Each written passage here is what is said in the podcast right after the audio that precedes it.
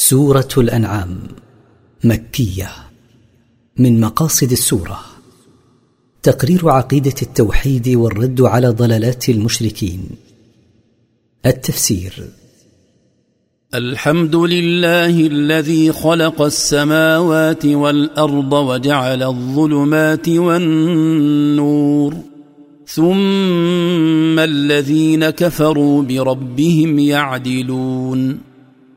الوصف بالكمال المطلق والثناء بالمحاسن العليا مع المحبه ثابت لله الذي خلق السماوات وخلق الارض من غير مثال سابق وخلق الليل والنهار يتعاقبان فاظلم الليل وانار النهار ومع هذا فالذين كفروا يسوون به غيره ويجعلونه شريكا له هو الذي خلقكم من طين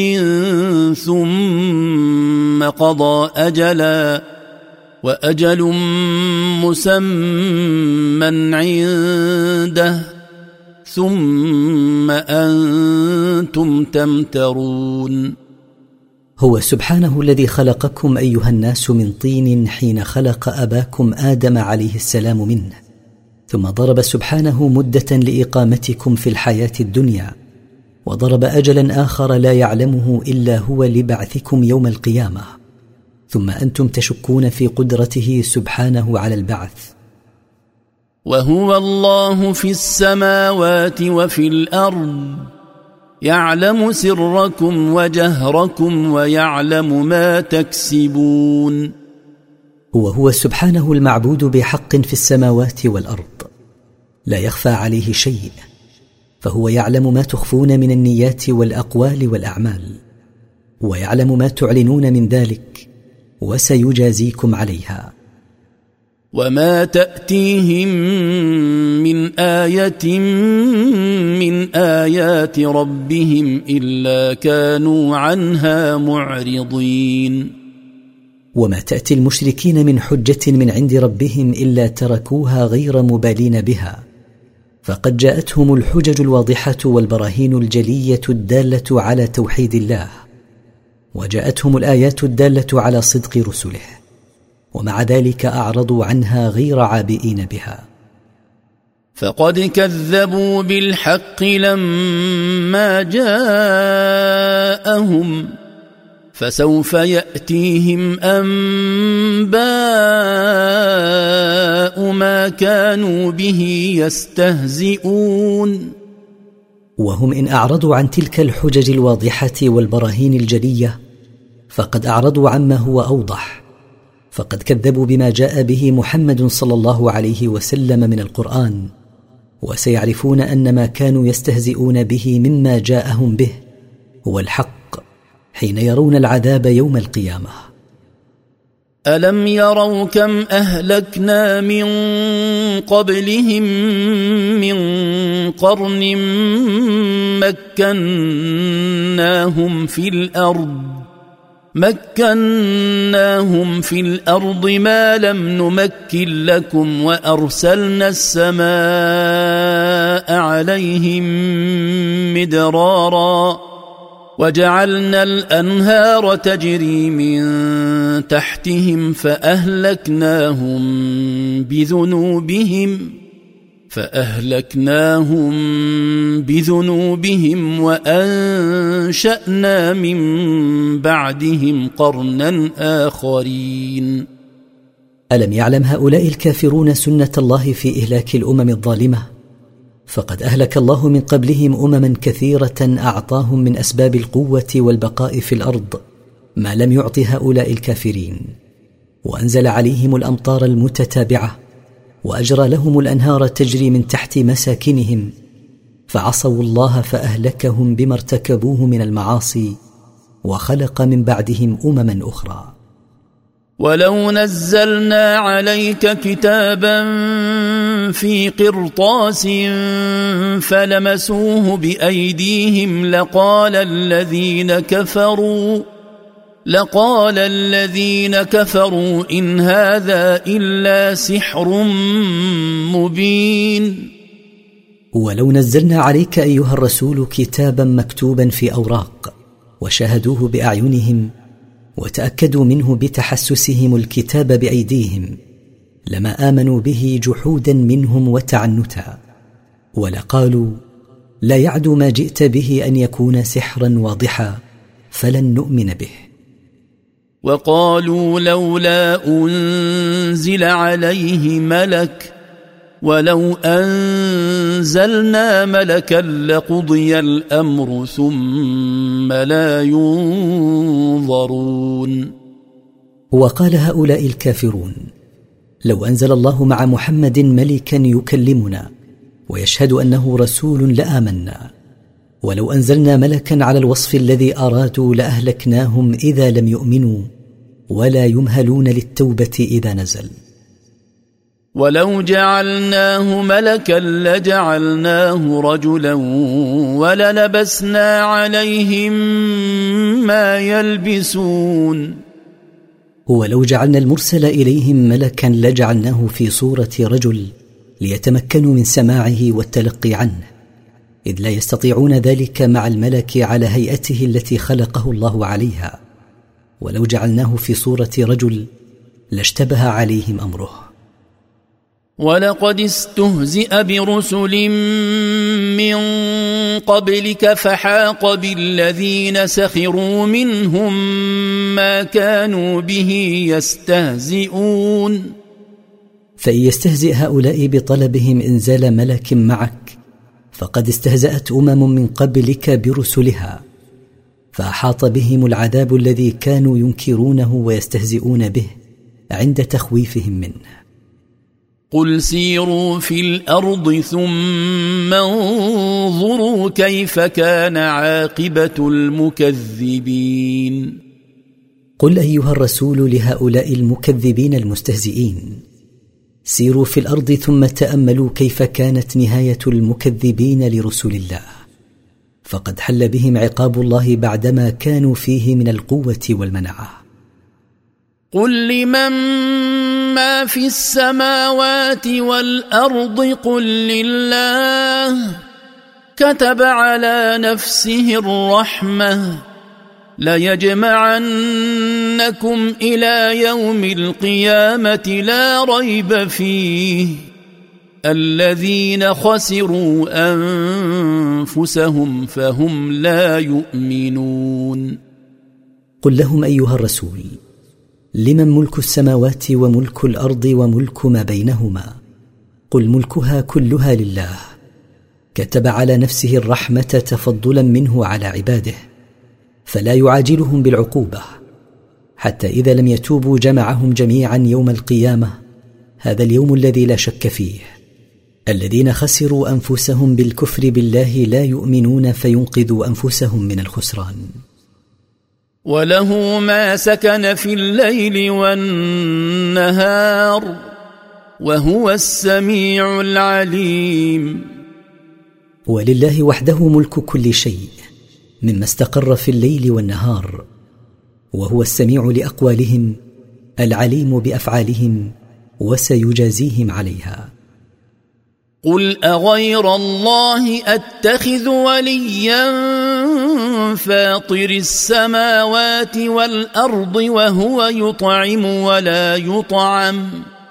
قل اني امرت ان اكون اول من اسلم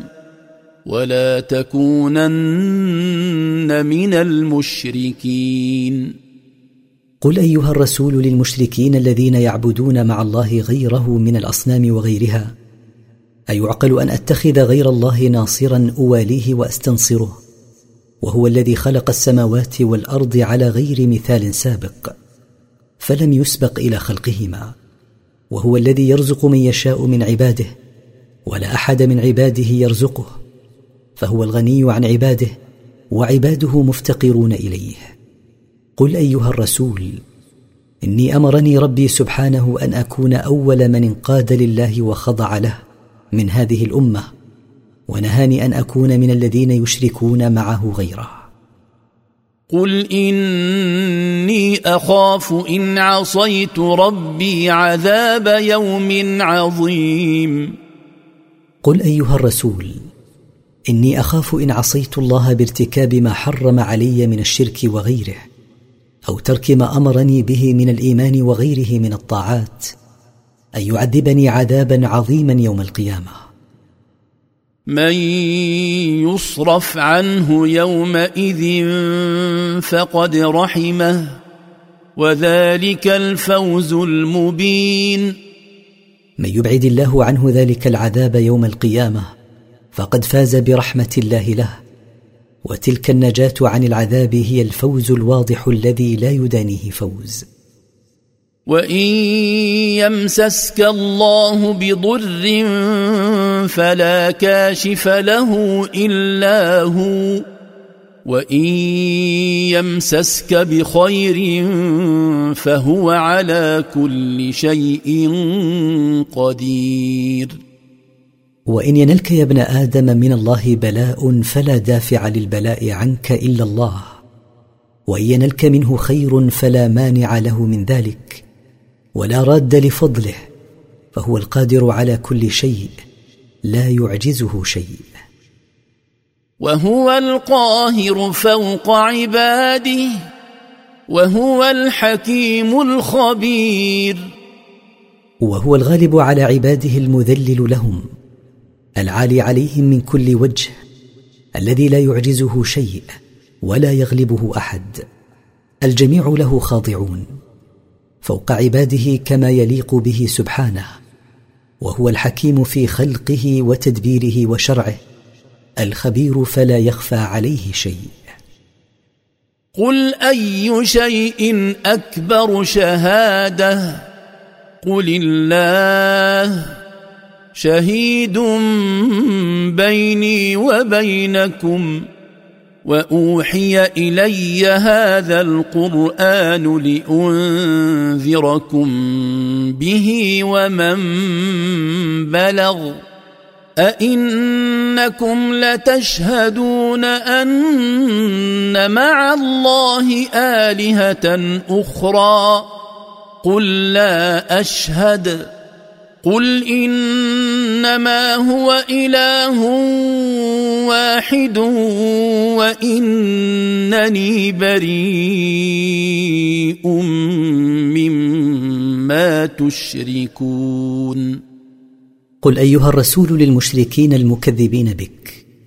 اي شيء اجل واعظم شهاده على صدقي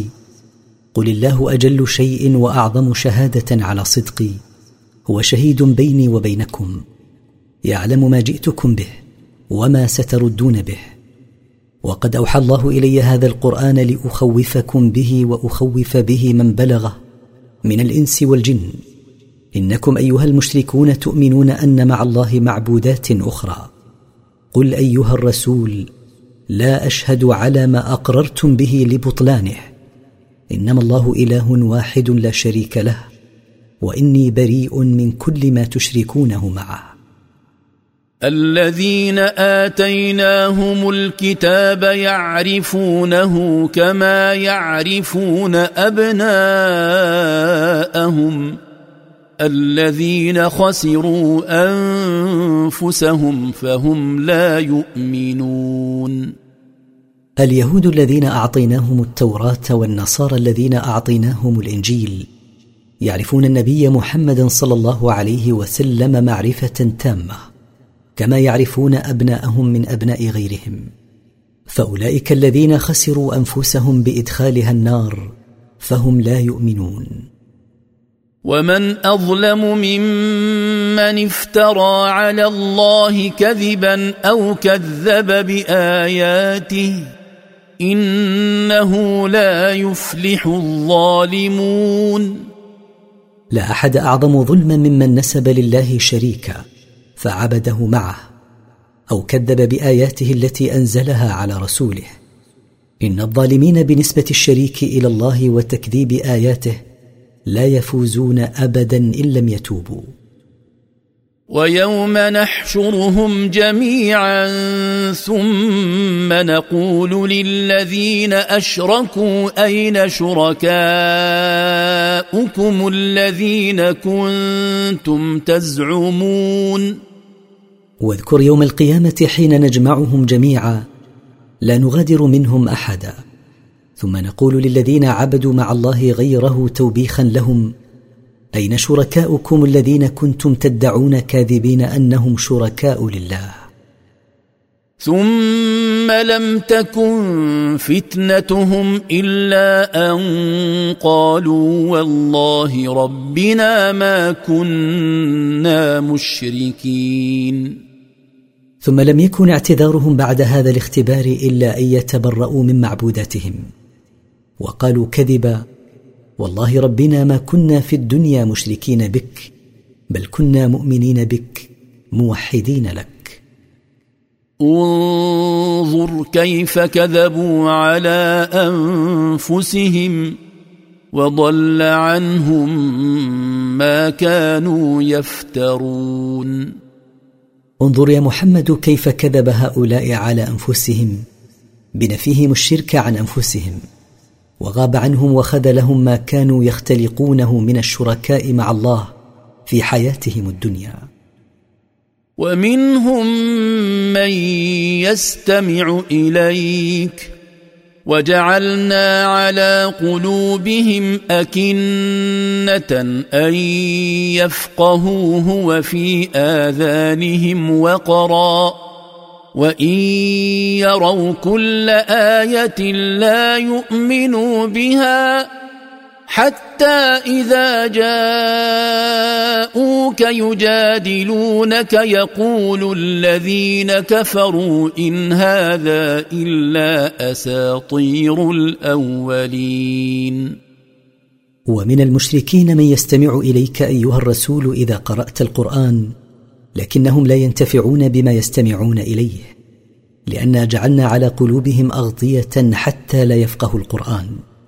بسبب عنادهم واعراضهم وجعلنا في اذانهم صمما عن السماع النافع ومهما يروا من الدلالات الواضحه والحجج الجليه لا يؤمنوا بها حتى اذا جاءوك يخاصمونك في الحق بالباطل يقولون ليس الذي جئت به الا ماخوذا عن كتب الاوائل وهم ينهون عنه ويناون عنه وان يهلكون الا انفسهم وما يشعرون وهم ينهون الناس عن الايمان بالرسول ويبتعدون عنه فلا يتركون من ينتفع به ولا ينتفعون هم به وما يهلكون بصنيعهم هذا الا انفسهم وما علموا ان ما يقومون به اهلاك لها ولو ترى اذ وقفوا على النار فقالوا يا ليتنا نرد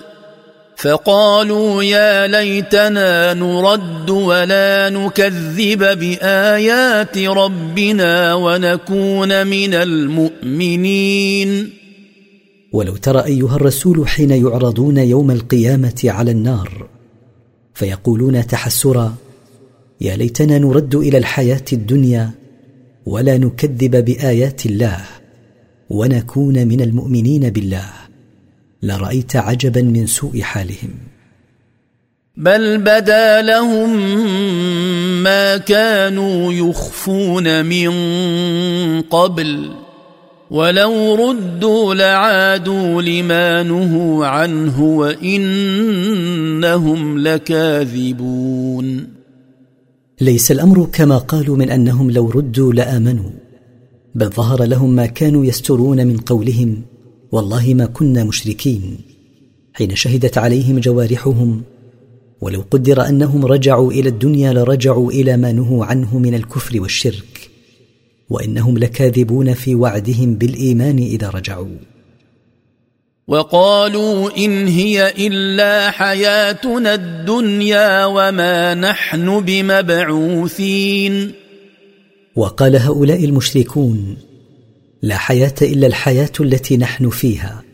ولسنا مبعوثين للحساب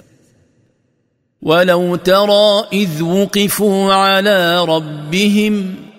قال اليس هذا بالحق قالوا بلى وربنا قال فذوقوا العذاب بما كنتم تكفرون ولو ترى ايها الرسول حين اوقف منكر البعث بين يدي ربهم لرايت العجب من سوء حالهم حين يقول لهم الله اليس هذا البعث الذي كنتم تكذبون به حقا ثابتا لا مريه فيه ولا شك قالوا اقسمنا بربنا الذي خلقنا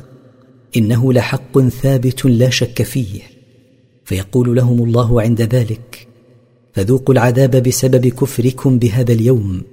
فكنتم به تكذبون في الحياه الدنيا قد خسر الذين كذبوا بلقاء الله حتى اذا جاءتهم الساعه بغته قالوا يا حسرتنا قالوا يا حسرتنا على ما فرطنا فيها وهم يحملون اوزارهم على ظهورهم الا ساء ما يزرون قد خسر الذين كذبوا بالبعث يوم القيامه واستبعدوا الوقوف بين يدي الله حتى اذا جاءتهم الساعه فجاه من غير سابق علم قالوا من شده الندم يا لحسرتنا وخيبه املنا لما قصرنا في جنب الله من الكفر به وعدم الاستعداد ليوم القيامه وهم يحملون سيئاتهم فوق ظهورهم الا قبح ما يحملون من تلك السيئات وما الحياه الدنيا الا لعب ولهو وللدار الآخرة خير للذين يتقون أفلا تعقلون وليست الحياة الدنيا التي تركنون إليها إلا لعبا وغرورا لمن لا يعمل فيها بما يرضي الله واما الدار الاخره فهي خير للذين يتقون الله بفعل ما امر به من الايمان والطاعه وترك ما نهى عنه من الشرك والمعصيه افلا تعقلون ايها المشركون ذلك فتؤمنوا وتعملوا الصالحات قد نعلم انه ليحزنك الذي يقولون فانهم لا يكذبونك ولكن الظالمين بايات الله يجحدون نحن نعلم انك ايها الرسول يحزنك تكذيبهم لك في الظاهر فاعلم انهم لا يكذبونك في انفسهم لعلمهم بصدقك وامانتك ولكنهم قوم ظالمون ينكرون امرك ظاهرا وهم يوقنون به في انفسهم ولقد كذبت رسل من قبلك فصبروا على ما كذبوا واوذوا حتى اتاهم نصرنا ولا مبدل لكلمات الله ولقد جاءك من نبا المرسلين ولا تحسب ان هذا التكذيب خاص بما جئت به فقد كذبت رسل من قبلك واذاهم اقوامهم فواجهوا ذلك بالصبر على الدعوه والجهاد في سبيل الله حتى جاءهم النصر من الله ولا مبدل لما كتبه الله من النصر ووعد به رسله ولقد جاءك ايها الرسول من اخبار من قبلك من الرسل وما لقوه من اقوامهم وما حباهم الله من النصر على اعدائهم باهلاكهم وان كان كبر عليك اعراضهم فان استطعت ان تبتغي نفقا في الارض او سلما في السماء فتاتيهم بايه ولو شاء الله لجمعهم على الهدى فلا تكونن من الجاهلين وان كان شق عليك ايها الرسول ما تلاقيه من تكذيبهم واعراضهم عما جئتهم به من الحق فان استطعت ان تطلب نفقا في الارض او مصعدا الى السماء فتاتيهم بحجه وبرهان غير الذي ايدناك به فافعل ولو شاء الله جمعهم على الهدى الذي جئت به لجمعهم لكنه لم يشا ذلك لحكمه بالغه فلا تكونن من الجاهلين بذلك فتذهب نفسك حسرات على انهم لم يؤمنوا انما يستجيب الذين يسمعون والموتى يبعثهم الله ثم اليه يرجعون انما يجيبك قابلا ما جئت به من يسمعون الكلام ويفهمونه والكفار موتى لا شان لهم فقد ماتت قلوبهم والموتى يبعثهم الله يوم القيامه ثم اليه وحده يرجعون ليجازيهم على ما قدموا وقالوا لولا نزل عليه ايه من ربه قل ان الله قادر على ان ينزل ايه ولكن اكثرهم لا يعلمون وقال المشركون متعنتين ومماطلين بالايمان هل انزل على محمد ايه خارقه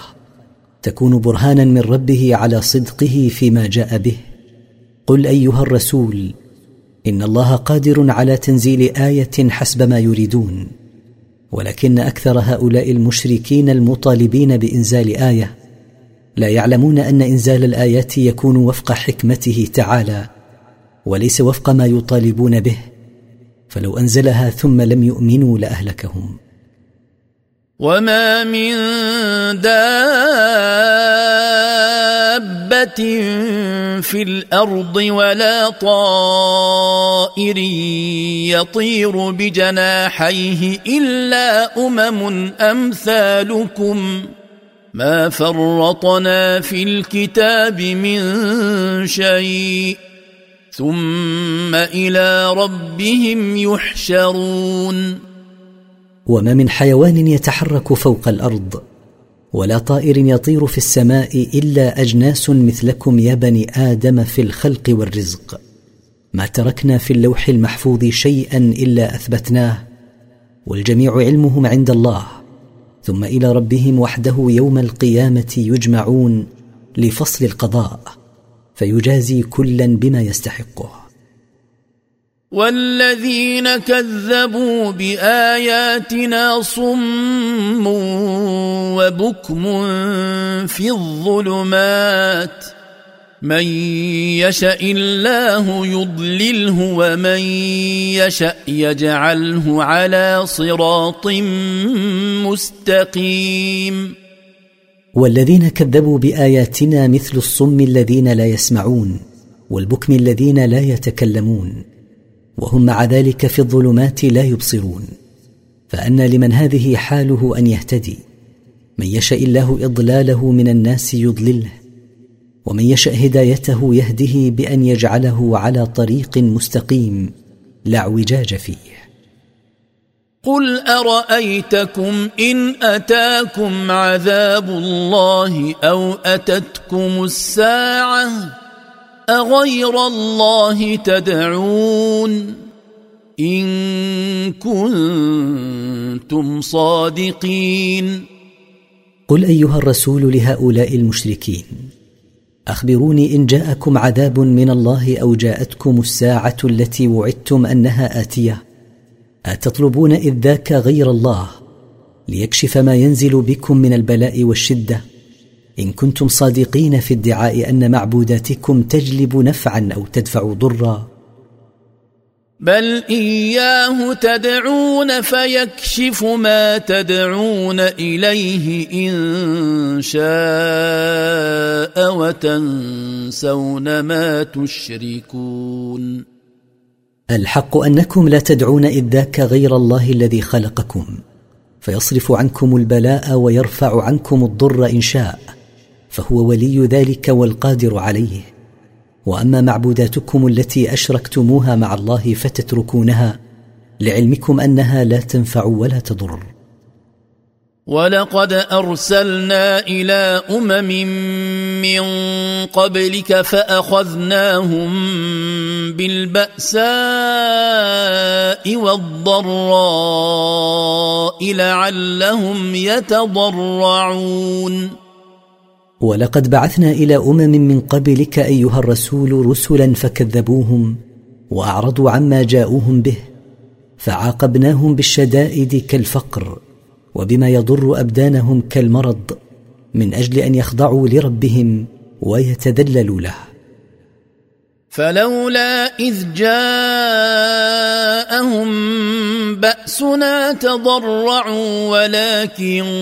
قست قلوبهم وزين لهم الشيطان ما كانوا يعملون لو أنهم حين جاءهم بلاؤنا تذللوا لله وخضعوا له ليكشف عنهم البلاء لرحمناهم لكنهم لم يفعلوا ذلك بل قست قلوبهم فلم يعتبروا ولم يتعظوا وحسن لهم الشيطان ما كانوا يرتكبون من الكفر والمعاصي فاستمروا على ما كانوا عليه فلما نسوا ما ذكروا به فتحنا عليهم ابواب كل شيء حتى اذا فرحوا بما اوتوا حتى اذا فرحوا بما اوتوا اخذناهم بغته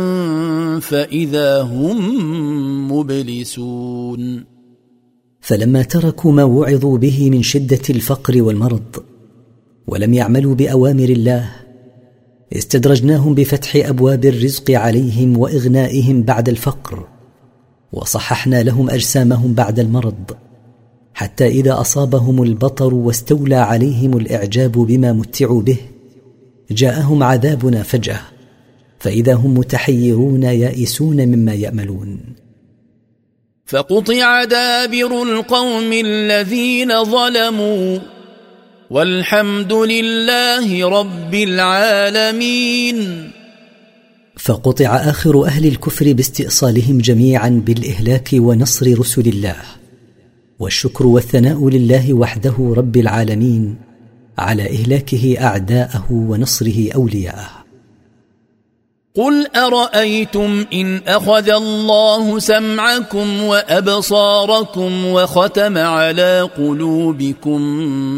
من اله غير الله ياتيكم به انظر كيف نصرف الايات ثم هم يصدفون قل ايها الرسول لهؤلاء المشركين اخبروني ان اصمكم الله بسلب اسماعكم واعماكم باخذ ابصاركم وطبع على قلوبكم فلم تفقهوا شيئا من معبود بحق ياتيكم بما فقدتموه من ذلك تامل ايها الرسول كيف نبين لهم الحجج وننوع البراهين ثم هم يعرضون عنها قل ارايتكم ان اتاكم عذاب الله بغته او جهره هل يهلك الا القوم الظالمون قل لهم ايها الرسول اخبروني ان جاءكم عذاب الله فجاه من غير شعور منكم به او جاءكم ظاهرا عيانا فانه لا يؤخذ بذلك العذاب الا الظالمون بكفرهم بالله وتكذيب رسله وما نرسل المرسلين الا مبشرين ومنذرين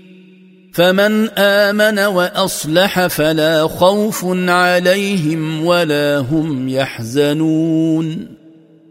وما نرسل من نرسله من رسلنا الا لاخبار اهل الايمان والطاعه بما يسرهم من النعيم المقيم الذي لا ينفد ولا ينقطع وتخويف اهل الكفر والعصيان من عذابنا الشديد فمن امن بالرسل واصلح عمله فلا خوف عليهم فيما يستقبلونه في اخرتهم ولا هم يحزنون ويتحسرون على ما فاتهم من الحظوظ الدنيويه والذين كذبوا باياتنا يمسهم العذاب بما كانوا يفسقون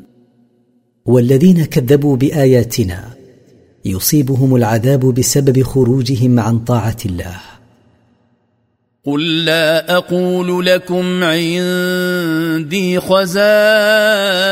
الله ولا اعلم الغيب ولا اقول لكم اني ملك ان اتبع الا ما يوحى الي قل هل يستوي الاعمى والبصير افلا تتفكرون قل ايها الرسول لهؤلاء المشركين لا اقول لكم ان عندي خزائن الله من الرزق فاتصرف فيها بما شئت ولا اقول لكم اني اعلم من الغيب الا ما اطلعني الله عليه من الوحي ولا اقول لكم اني ملك من الملائكه فانا رسول من الله لا اتبع الا ما يوحى الي ولا ادعي ما ليس لي قل ايها الرسول لهم هل يستوي الكافر الذي عميت بصيرته عن الحق والمؤمن الذي ابصر الحق وامن به افلا تتاملون بعقولكم ايها المشركون فيما حولكم من الايات وانذر به الذين يخافون ان يحشروا الى ربهم ليس لهم من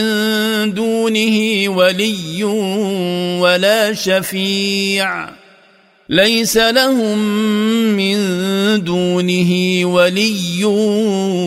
ولا شفيع لعلهم يتقون وخوف ايها الرسول بهذا القران الذين يخافون ان يحشروا الى ربهم يوم القيامه ليس لهم ولي غير الله يجلب لهم النفع ولا شفيع يكشف عنهم الضر لعلهم يتقون الله بامتثال اوامره واجتناب نواهيه فهؤلاء هم الذين ينتفعون بالقران ولا تطرد الذين يدعون ربهم بالغداه والعشي يريدون وجهه ما عليك من حسابهم من شيء وما من حسابك عليهم من شيء فتطردهم فتكون من الظالمين ولا تبعد ايها الرسول عن مجلسك فقراء المسلمين الذين هم في عباده دائمه لله في اول النهار واخره مخلصين له العباده لا تبعدهم لتستميل اكابر المشركين ليس عليك من حساب هؤلاء الفقراء شيء انما حسابهم عند ربهم وما عليهم من حسابك شيء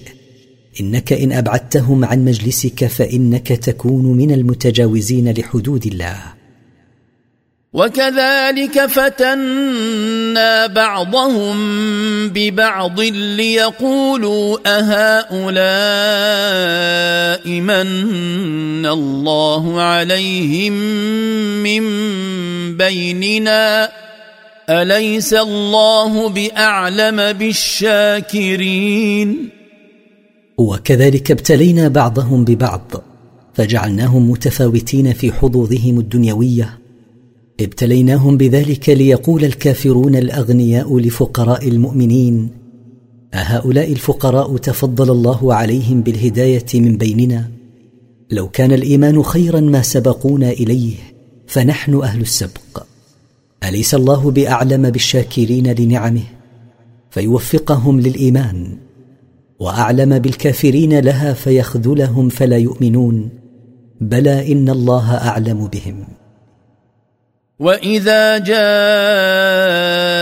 الذين يؤمنون باياتنا فقل سلام عليكم كتب ربكم على نفسه الرحمه انه من عمل منكم سوءا بجهاله ثم تاب من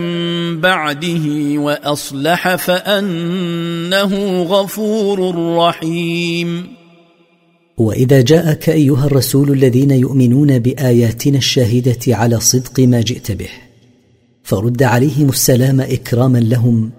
وبشرهم بسعه رحمه الله فقد اوجب الله على نفسه الرحمه ايجاب تفضل فمن ارتكب منكم معصيه في حال جهل وسفه ثم تاب من بعد ارتكابه لها واصلح عمله فان الله يغفر له ما ارتكبه فالله غفور لمن تاب من عباده رحيم بهم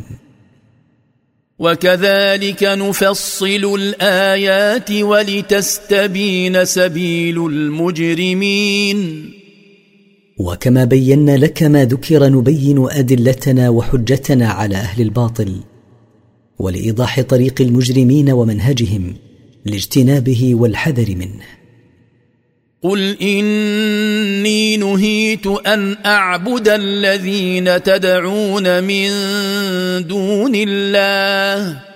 قل لا اتبع اهواءكم قد ضللت اذا وما انا من المهتدين قل ايها الرسول اني نهاني الله عن عباده الذين تعبدونهم من دون الله قل ايها الرسول لا اتبع اهواءكم في عباده غير الله فانا ان اتبعت اهواءكم في ذلك اكون ضالا عن طريق الحق لا اهتدي اليه وهذا شان كل من اتبع الهوى دون برهان من الله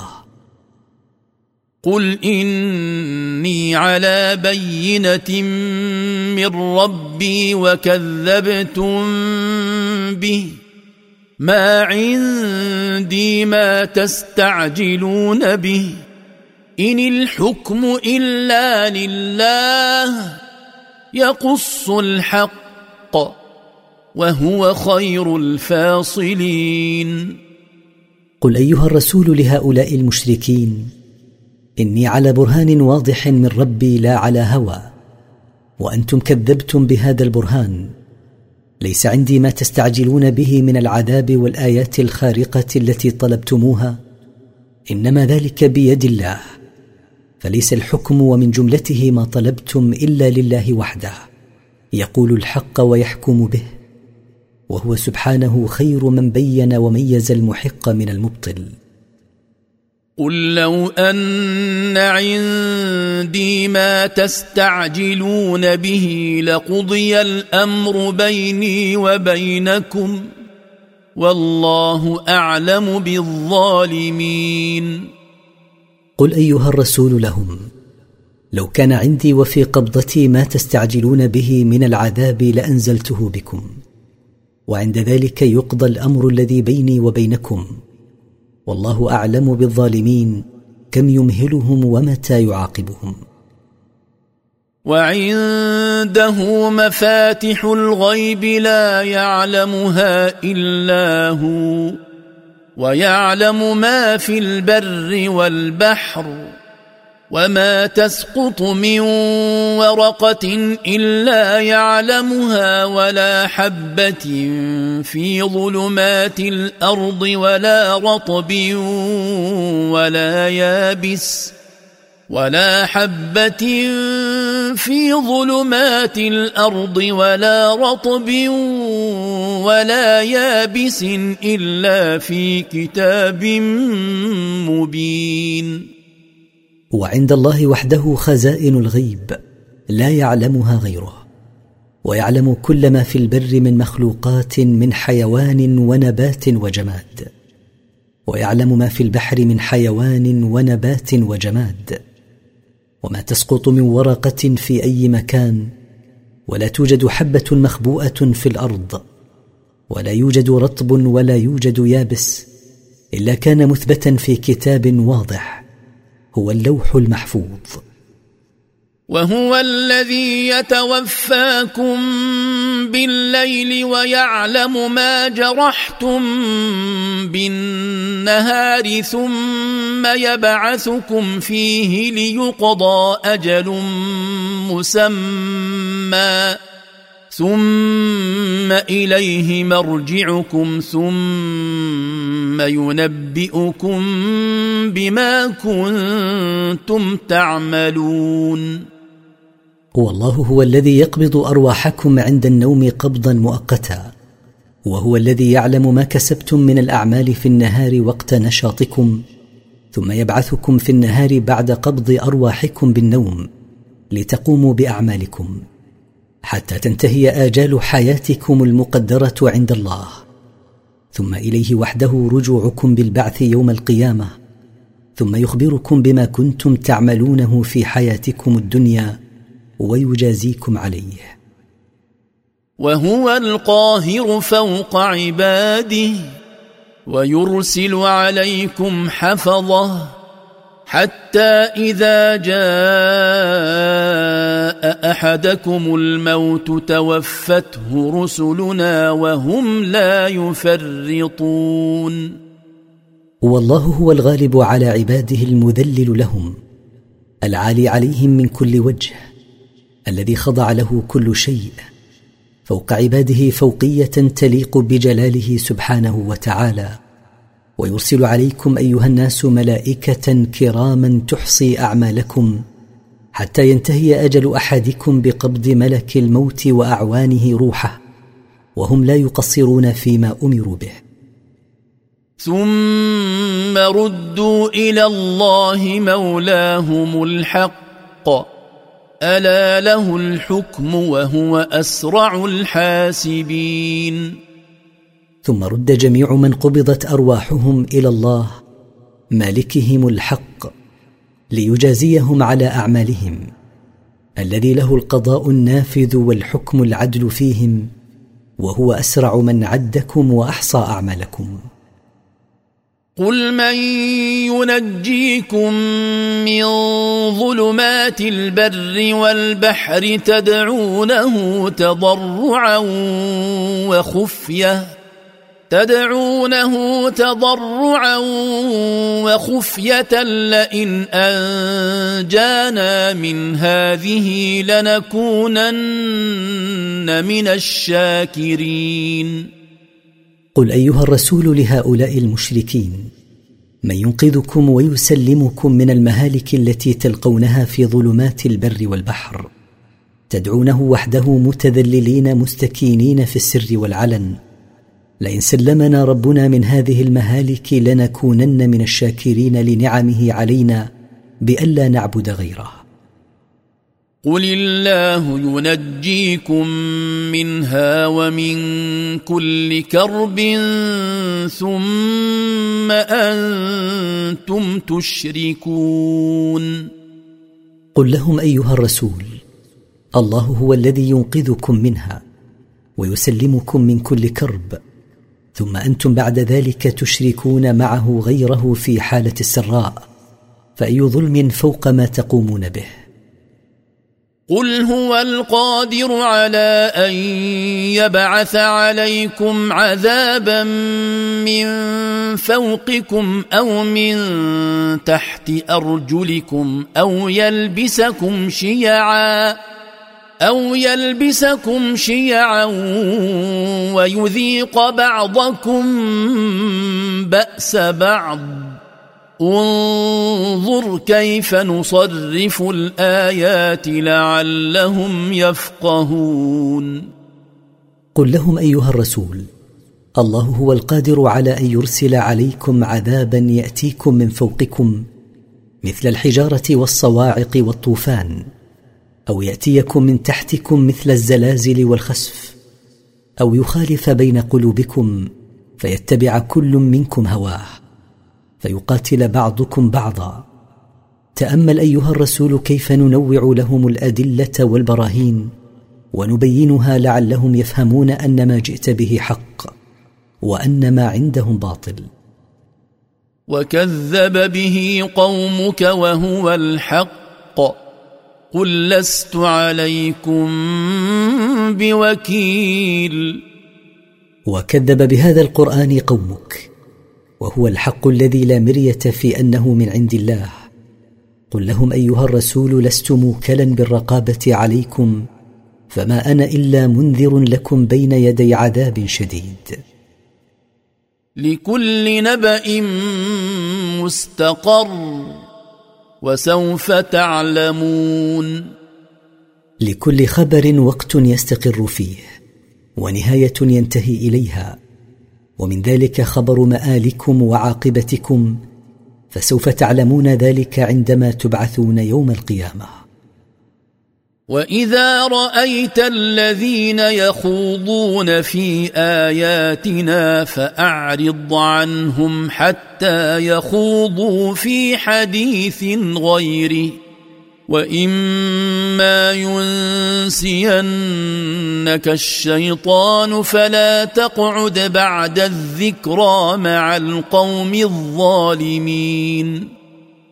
واذا رايت ايها الرسول المشركين يتكلمون في اياتنا بالسخريه والاستهزاء فابتعد عنهم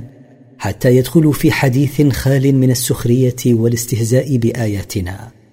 واذا انساك الشيطان وجلست معهم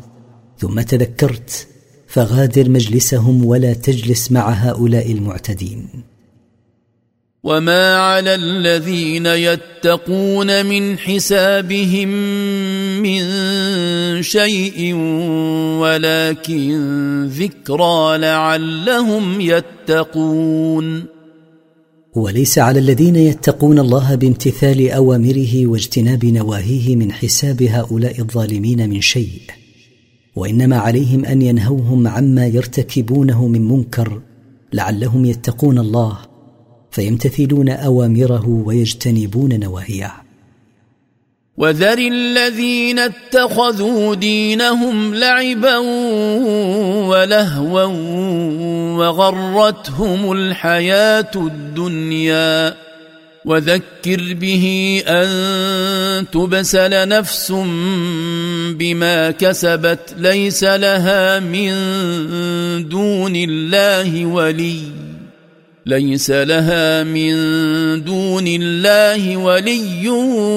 ولا شفيع وان تعدل كل عدل لا يؤخذ منها اولئك الذين ابسلوا بما كسبوا لهم شراب من حميم وعذاب اليم بما كانوا يكفرون ودع ايها الرسول هؤلاء المشركين الذين صيروا دينهم لعبا ولهوا يسخرون منه ويستهزئون به وخدعتهم الحياه الدنيا بما فيها من متع زائله وعظ ايها النبي الناس بالقران حتى لا تسلم نفس الى الهلاك بسبب ما كسبته من سيئات ليس لها من دون الله حليف تستنصر به ولا وسيط يمنع عنها عذاب الله يوم القيامه واذا افتدت من عذاب الله باي فداء لا يقبل منها اولئك الذين اسلموا الى هلاك انفسهم بسبب ما ارتكبوه من المعاصي لهم يوم القيامه شراب متناهي الحراره وعذاب موجع بسبب كفرهم قل اندعو من دون الله ما لا ينفعنا ولا يضرنا ونرد على اعقابنا بعد اذ هدانا الله ونرد على اعقابنا بعد اذ هدانا الله كالذي استهوته الشياطين في الارض حيران حيران له اصحاب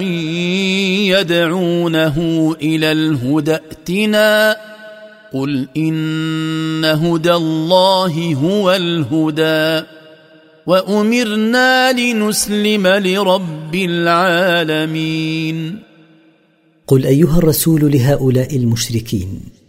انعبد من دون الله اوثانا لا تملك نفعا فتنفعنا ولا ضرا فتضرنا ونرتد عن الايمان بعد ان وفقنا الله له فنكون مثل الذي اضلته الشياطين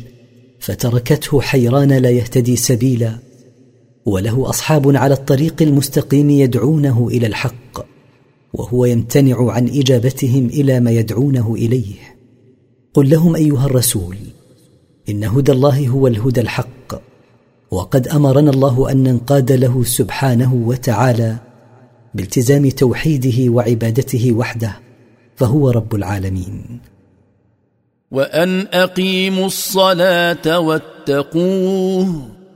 وهو الذي اليه تحشرون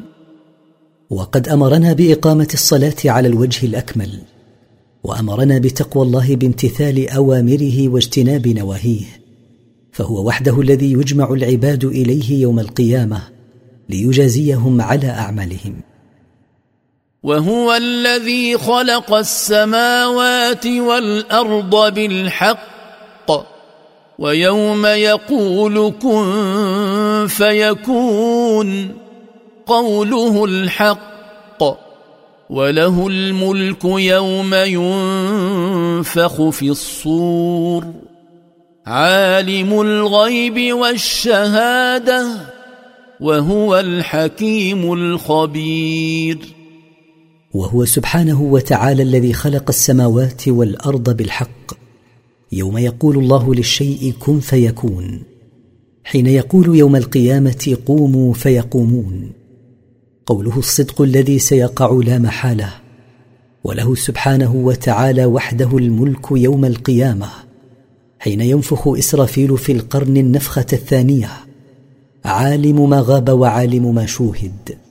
وهو الحكيم في خلقه وتدبيره الخبير الذي لا يخفى عليه شيء فبواطن الامور عنده كظواهرها واذ قال ابراهيم لابيه ازر اتتخذ اصناما الهه اني اراك وقومك في ضلال مبين واذكر ايها الرسول حين قال ابراهيم عليه السلام لابيه المشرك ازر يا ابت اتجعل الاصنام الهه تعبدها من دون الله اني اراك وقومك الذين يعبدون الاوثان في ضلال بين وحيره عن طريق الحق بسبب عبادتكم غير الله فهو سبحانه المعبود بحق وغيره معبود بالباطل وكذلك نري ابراهيم ملكوت السماوات والارض وليكون من الموقنين وكما اريناه ضلال ابيه وقومه نريه ملك السماوات والارض الواسع ليستدل بذلك الملك الواسع على وحدانيه الله واستحقاقه العباده وحده ليكون من الموقنين بان الله واحد لا شريك له وانه قادر على كل شيء فلما جن عليه الليل راى كوكبا قال هذا ربي فلما افل قال لا احب الافلين فحين اظلم عليه الليل راى كوكبا فقال هذا ربي فلما غاب الكوكب قال لا احب من يغيب لان الاله الحق حاضر لا يغيب فلما راى القمر بازغا قال هذا ربي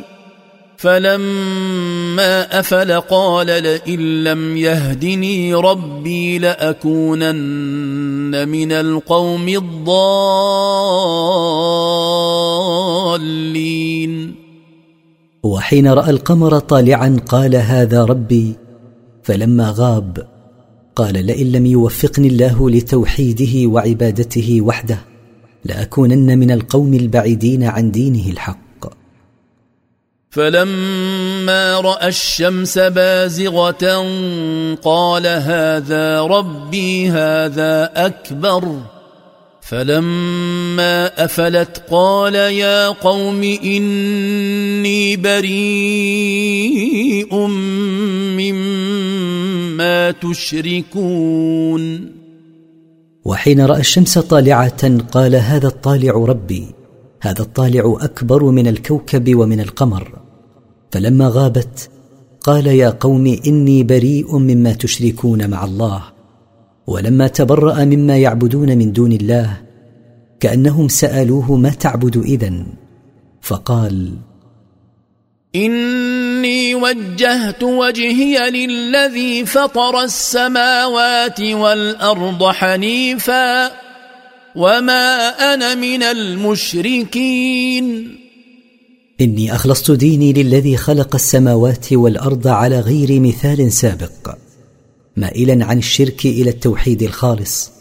ولست من المشركين الذين يعبدون معه غيره وحاجه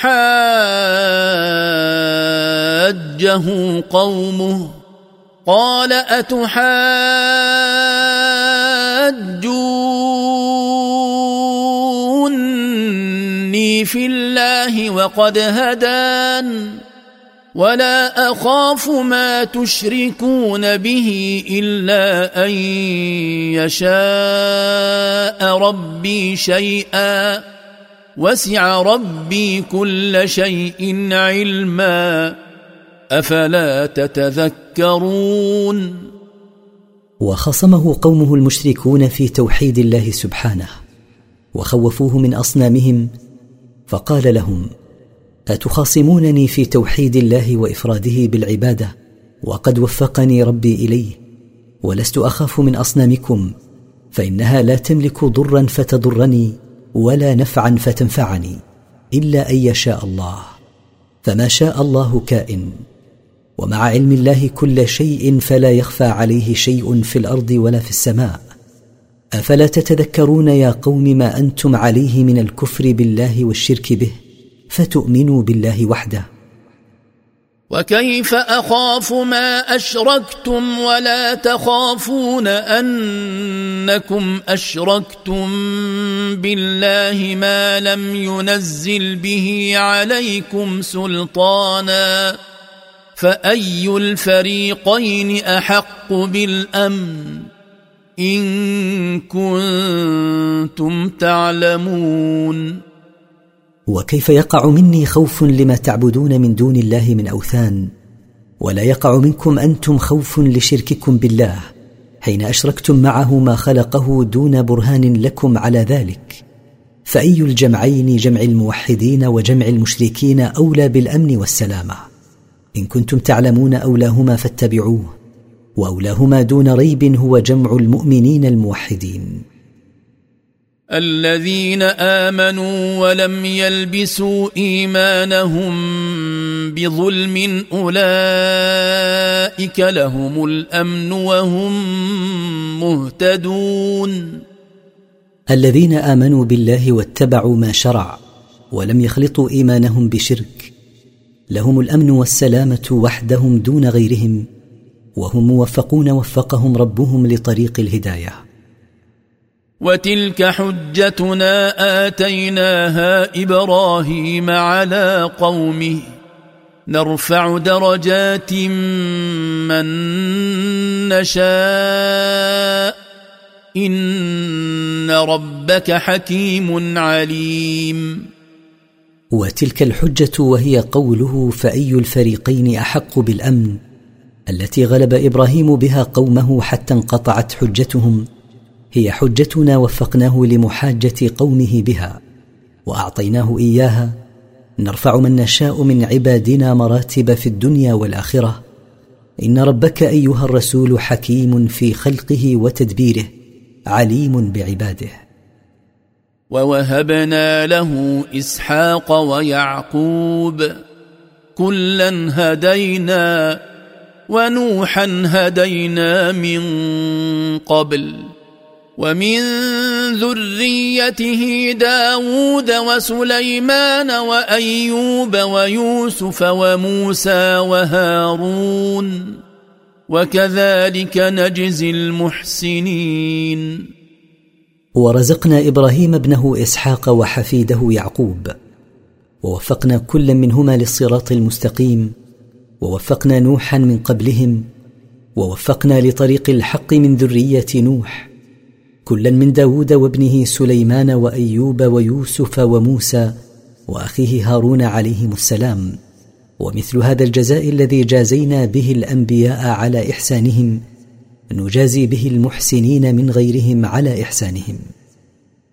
وزكريا ويحيى وعيسى والياس كل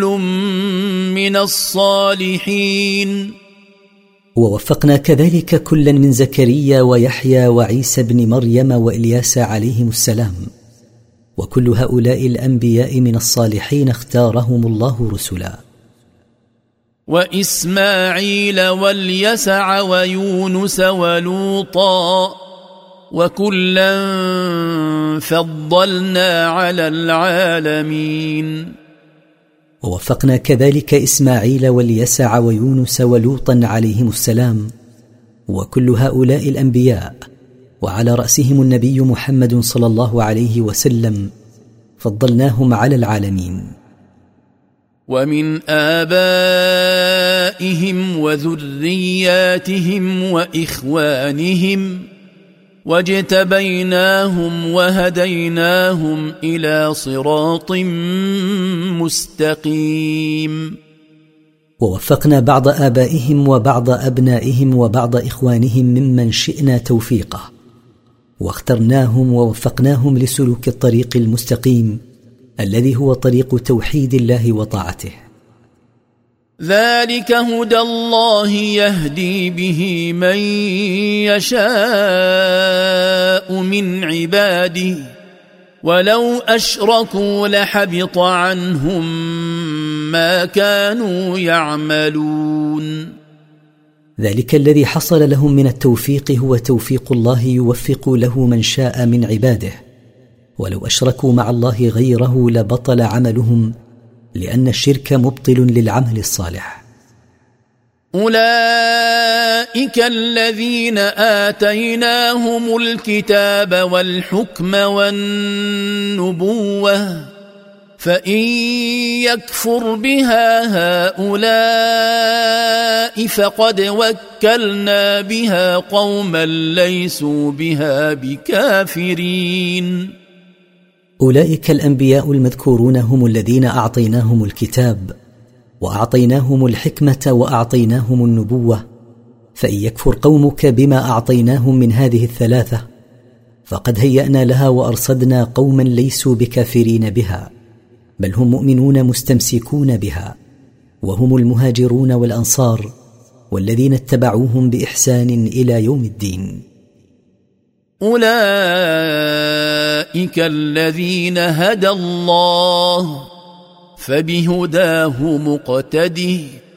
قل لا أسألكم عليه أجرا إن هو إلا ذكرى للعالمين أولئك الأنبياء ومن ذكر معهم من آبائهم وأبنائهم وإخوانهم هم أهل الهداية حقاً فاتبعهم وتاس بهم وقل ايها الرسول لقومك لا اطلب منكم على ابلاغ هذا القران جزاء فالقران ليس الا موعظه للعالمين من الانس والجن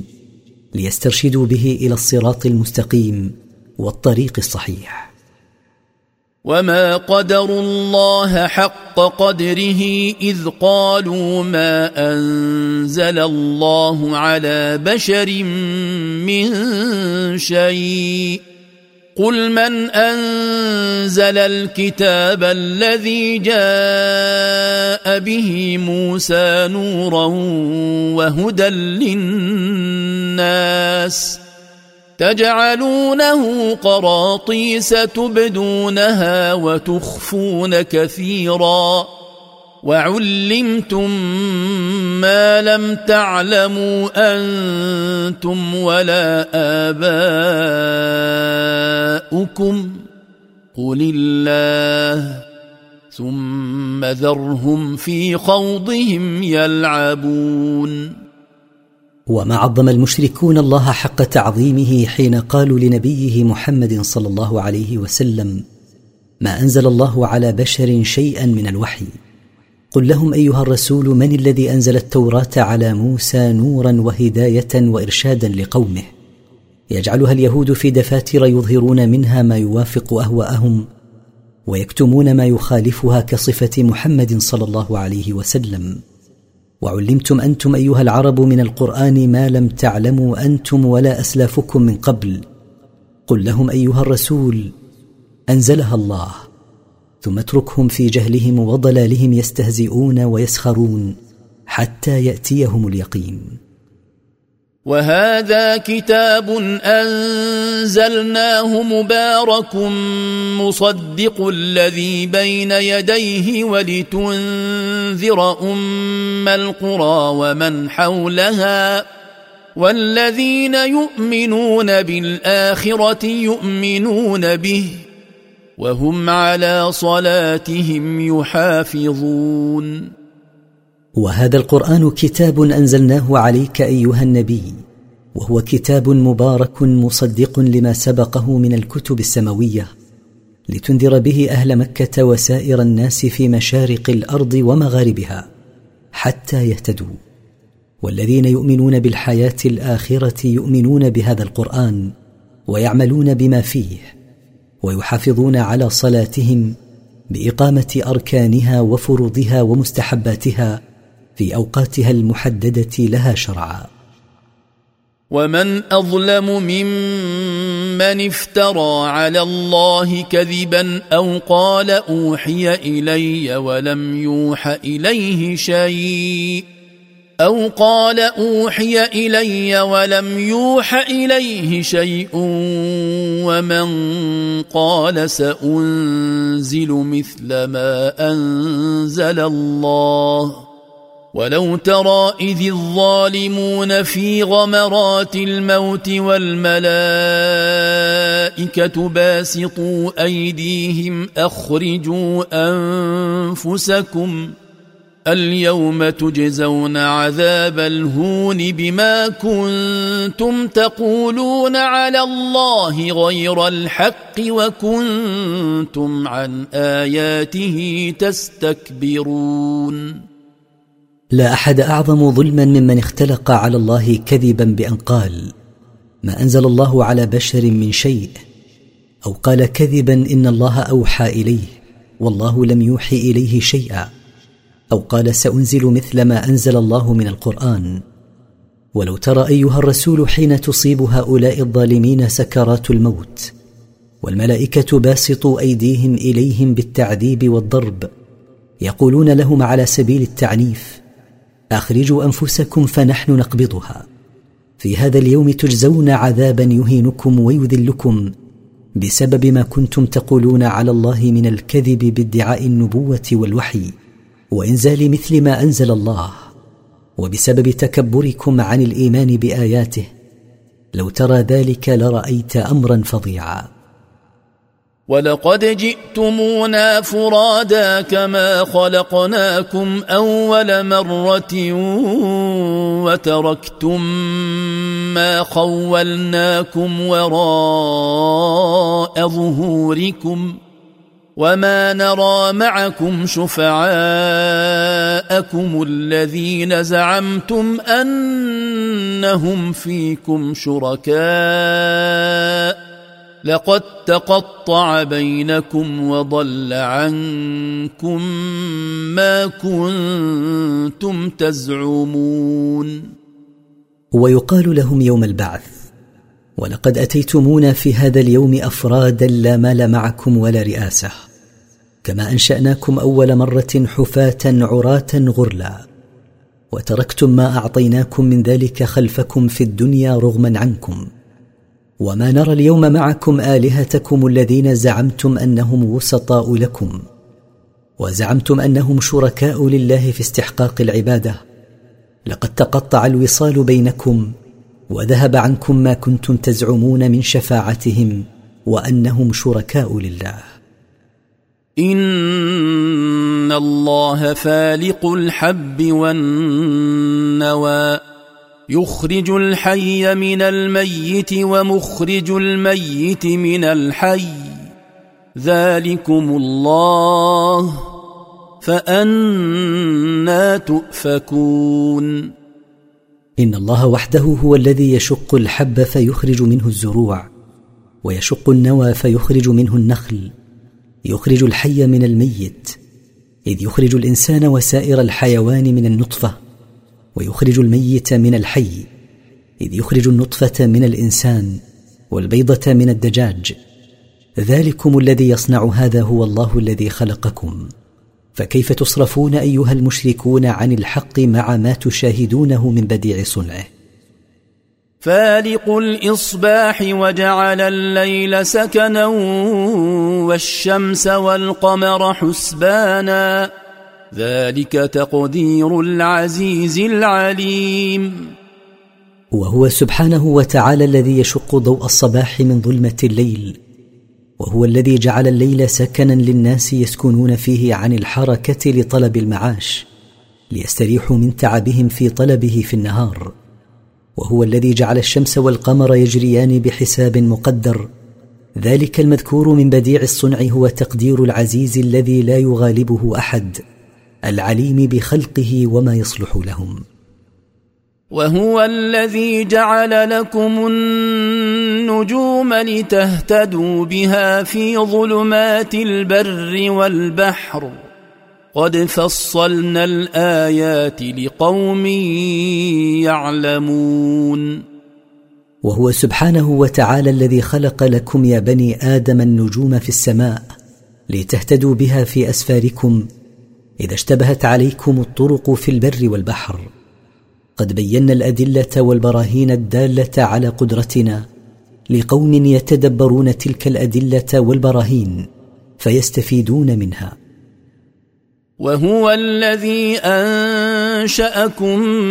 من نفس واحده فمستقر ومستودع قد فصلنا الايات لقوم يفقهون وهو سبحانه وتعالى الذي خلقكم من نفس واحده هي نفس ابيكم ادم فقد بدا خلقكم بخلق ابيكم من طين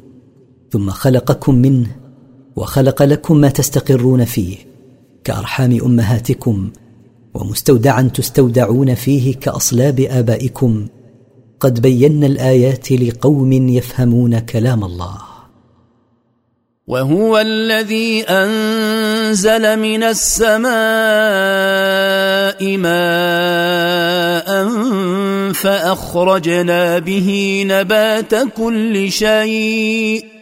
فأخرجنا به نبات كل شيء فأخرجنا منه خضرا نخرج منه حبا متراكباً نخرج منه حبا متراكبا ومن النخل من طلعها قنوان دانية وجنات من أعناب ۖ وجنات من اعناب والزيتون والرمان مشتبها وغير متشابه انظروا الى ثمره اذا اثمر وينعه ان في ذلكم لايات لقوم يؤمنون وهو سبحانه وتعالى الذي انزل من السماء ماء هو ماء المطر فانبتنا به كل صنف من اصناف النبات فاخرجنا من النبات زرعا وشجرا اخضر نخرج منه حبا يركب بعضه بعضا كما يقع في السنابل ومن طلع النخل تخرج عذوقه قريبه ينالها القائم والقاعد واخرجنا بساتين من العنب واخرجنا الزيتون والرمان متماثلا ورقهما مختلفا ثمرهما انظروا ايها الناس الى ثمره اول ما يبدو واليه حين ينضج ان في ذلكم ايها الناس لادله واضحه على قدره الله لقوم يؤمنون بالله فهم الذين يستفيدون من هذه الادله والبراهين وجعلوا لله شركاء الجن وخلقهم وخرقوا له بنين وبنات بغير علم سبحانه وتعالى عما يصفون وصير المشركون الجن شركاء لله في العباده حين اعتقدوا انها تنفع وتضر وقد اوجدهم الله ولم يخلقهم غيره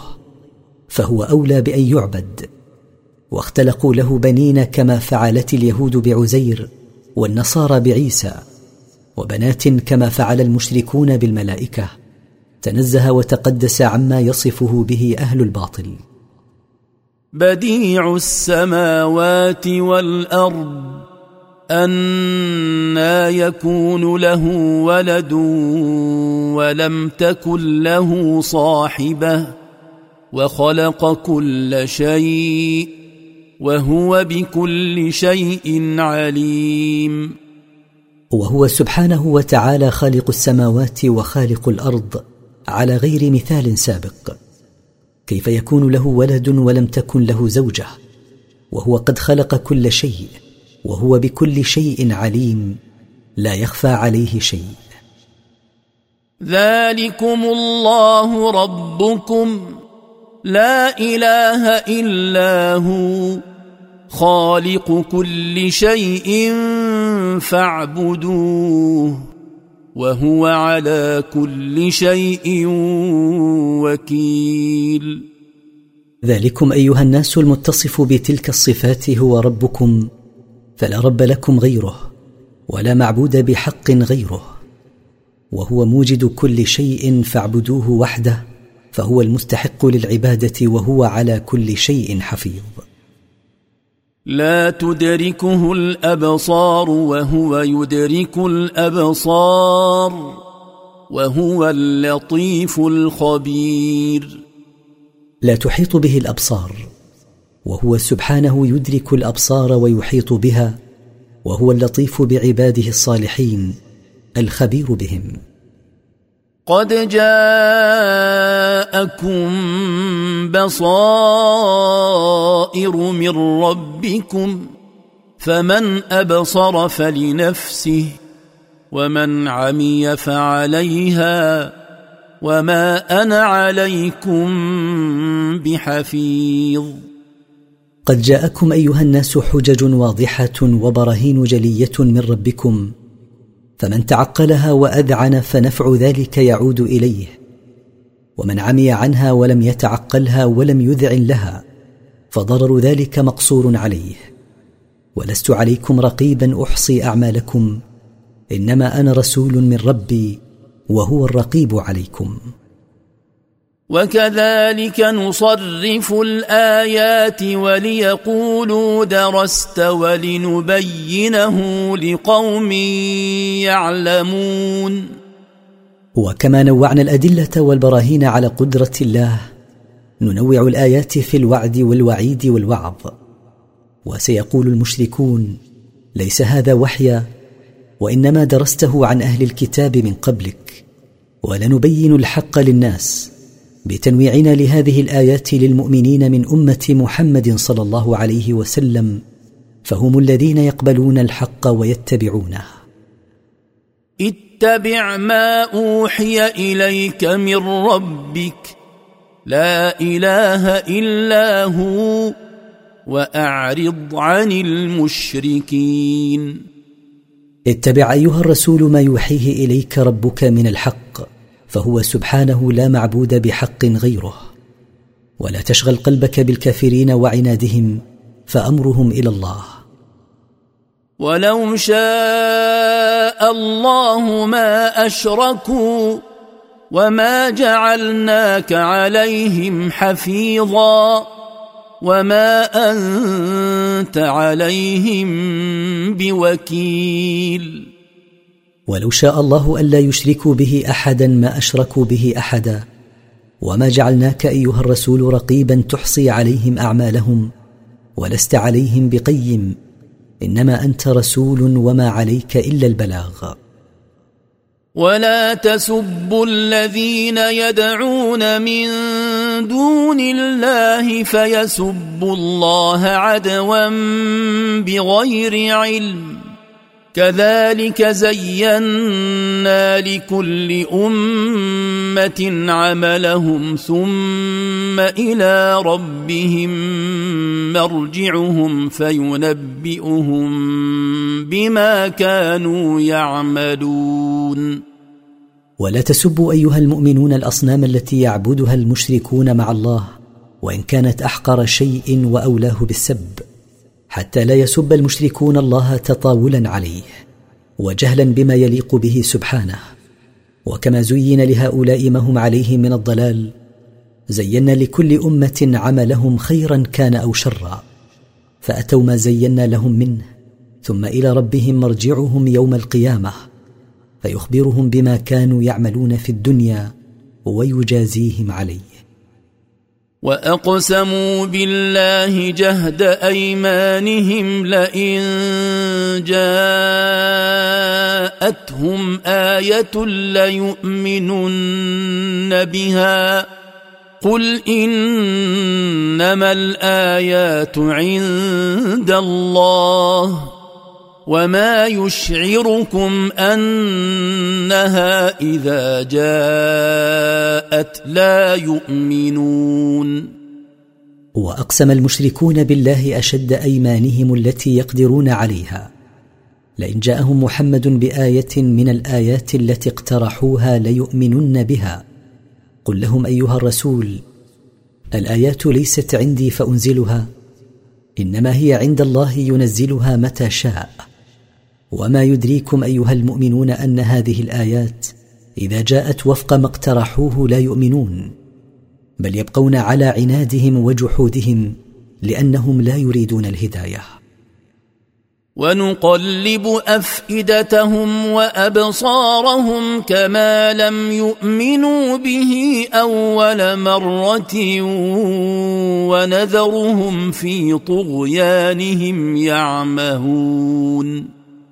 ونقلب افئدتهم وابصارهم بالحيلوله بينها وبين الاهتداء للحق كما حلنا بينهم وبين الايمان بالقران اول مره بسبب عنادهم ونتركهم في ضلالهم وتمردهم على ربهم حيارى يتخبطون ولو اننا نزلنا اليهم الملائكه وكلمهم الموتى وحشرنا عليهم كل شيء قبلا ما كانوا ليؤمنوا الا ان يشاء الله ولكن اكثرهم يجهلون ولو أننا أجبناهم بالإتيان بما اقترحوه فنزلنا عليهم الملائكة وشاهدوهم وكلمهم الموتى وأخبروهم بصدقك فيما جئت به وجمعنا لهم كل شيء مما اقترحوه يواجهونه معاينة ما كانوا ليؤمنوا بما جئت به إلا من شاء الله له الهداية منهم ولكن أكثرهم يجهلون ذلك فلا يلجؤون إلى الله ليوفقهم للهدايه وكذلك جعلنا لكل نبي عدوا شياطين الانس والجن يوحي بعضهم الى بعض زخرف القول غرورا ولو شاء ربك ما فعلوه فذرهم وما يفترون وكما ابتليناك بمعاداه هؤلاء المشركين لك ابتلينا كل نبي من قبلك فجعلنا لكل واحد منهم اعداء من مرده الانس واعداء من مرده الجن يوسوس بعضهم لبعض فيزينون لهم الباطل ليخدعوهم ولو شاء الله الا يفعلوا ذلك ما فعلوه ولكنه شاء لهم ذلك ابتلاء فاتركهم وما يفترون من الكفر والباطل ولا تعبا بهم ولتصغى اليه افئده الذين لا يؤمنون بالاخره وليرضوه وليقترفوا ما هم مقترفون ولتميل الى ما يوسوس به بعضهم لبعض قلوب الذين لا يؤمنون بالاخره وليقبلوه لانفسهم ويرتضوه لها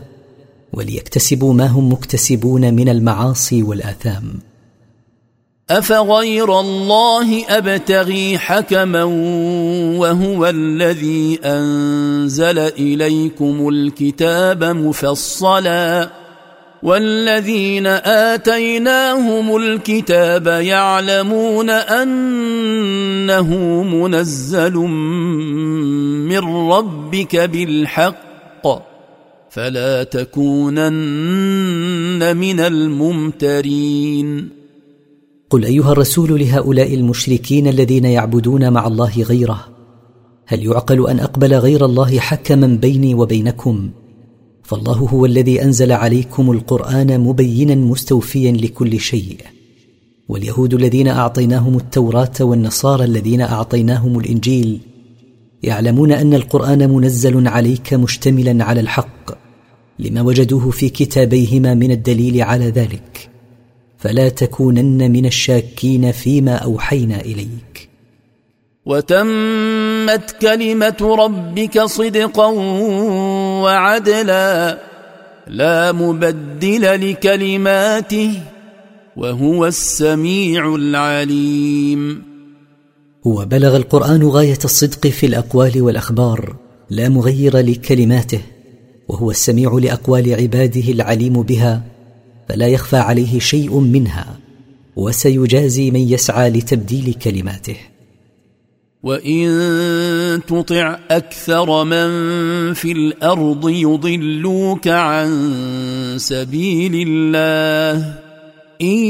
يتبعون إلا الظن وإن هم إلا يخرصون ولو قدر أنك أطعت أيها الرسول أكثر من في الأرض من الناس يضلونك عن دين الله فقد جرت سنة الله أن يكون الحق مع القلة فأكثر الناس لا يتبعون إلا الظن الذي لا مستند له حيث ظنوا أن معبوداتهم تقربهم إلى الله زلفى وهم يكذبون في ذلك ان ربك هو اعلم من يضل عن سبيله وهو اعلم بالمهتدين ان ربك ايها الرسول اعلم بمن يضل عن سبيله من الناس وهو اعلم بالمهتدين اليها لا يخفى عليه شيء من ذلك فكلوا مما ذكر اسم الله عليه إن كنتم بآياته مؤمنين فكلوا أيها الناس مما ذكر اسم الله عليه عند الذبح إن كنتم مؤمنين حقا ببراهينه الواضحه وما لكم ألا تأكلوا مما ذكر اسم الله عليه وقد فصل لكم ما حرم عليكم إلا ما اضطررتم إليه وإن كثيرا ليضلون بأهوائهم بغير علم إن ربك هو أعلم بالمعتدين ما الذي يمنعكم أيها المؤمنون من أن تأكلوا مما ذكر اسم الله عليه وقد بين لكم الله ما حرمه عليكم فيجب عليكم تركه إلا إذا ألجأتكم إليه الضرورة فالضرورة تبيح المحظور وان كثيرا من المشركين ليبعدون اتباعهم عن الحق بسبب ارائهم الفاسده جهلا منهم حيث يحلون ما حرم الله عليهم من الميته وغيرها ويحرمون ما احل الله لهم من البحيره والوصيله والحام وغيرها ان ربك ايها الرسول هو اعلم بالمتجاوزين لحدود الله وسيجازيهم على تجاوزهم لحدوده وذروا ظاهر الاثم وباطنه ان الذين يكسبون الاثم سيجزون بما كانوا يقترفون واتركوا ايها الناس ارتكاب المعاصي في العلانيه والسر ان الذين يرتكبون المعاصي في السر او العلانيه سيجزيهم الله على ما اكتسبوه منها ولا تاكلوا مما لم يذكر اسم الله عليه وانه لفسق وان الشياطين ليوحون الى اوليائهم ليجادلوكم وان اطعتموهم انكم لمشركون ولا تاكلوا ايها المسلمون مما لم يذكر اسم الله عليه سواء ذكر عليه اسم غيره او لا وان الاكل منه لخروج عن طاعه الله الى معصيته وان الشياطين ليوسوسون الى اوليائهم بالقاء الشبه ليجادلوكم في اكل الميته وان اطعتموهم ايها المسلمون فيما يلقونه من الشبه لاباحه الميته كنتم انتم وهم سواء في الشرك أومن كان ميتا فأحييناه وجعلنا له نورا يمشي به في الناس كمن مثله في الظلمات كمن مثله في الظلمات ليس بخارج منها ۖ كذلك زين للكافرين ما كانوا يعملون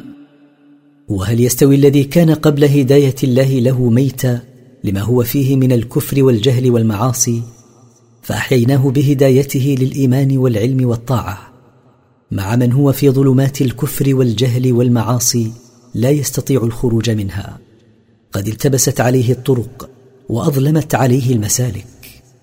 كما حسن لهؤلاء المشركين ما هم عليه من الشرك واكل الميته والجدال بالباطل حسن للكافرين ما كانوا يعملون من المعاصي ليجازوا عليها يوم القيامه بالعذاب الاليم وكذلك جعلنا في كل قريه اكابر مجرميها ليمكروا فيها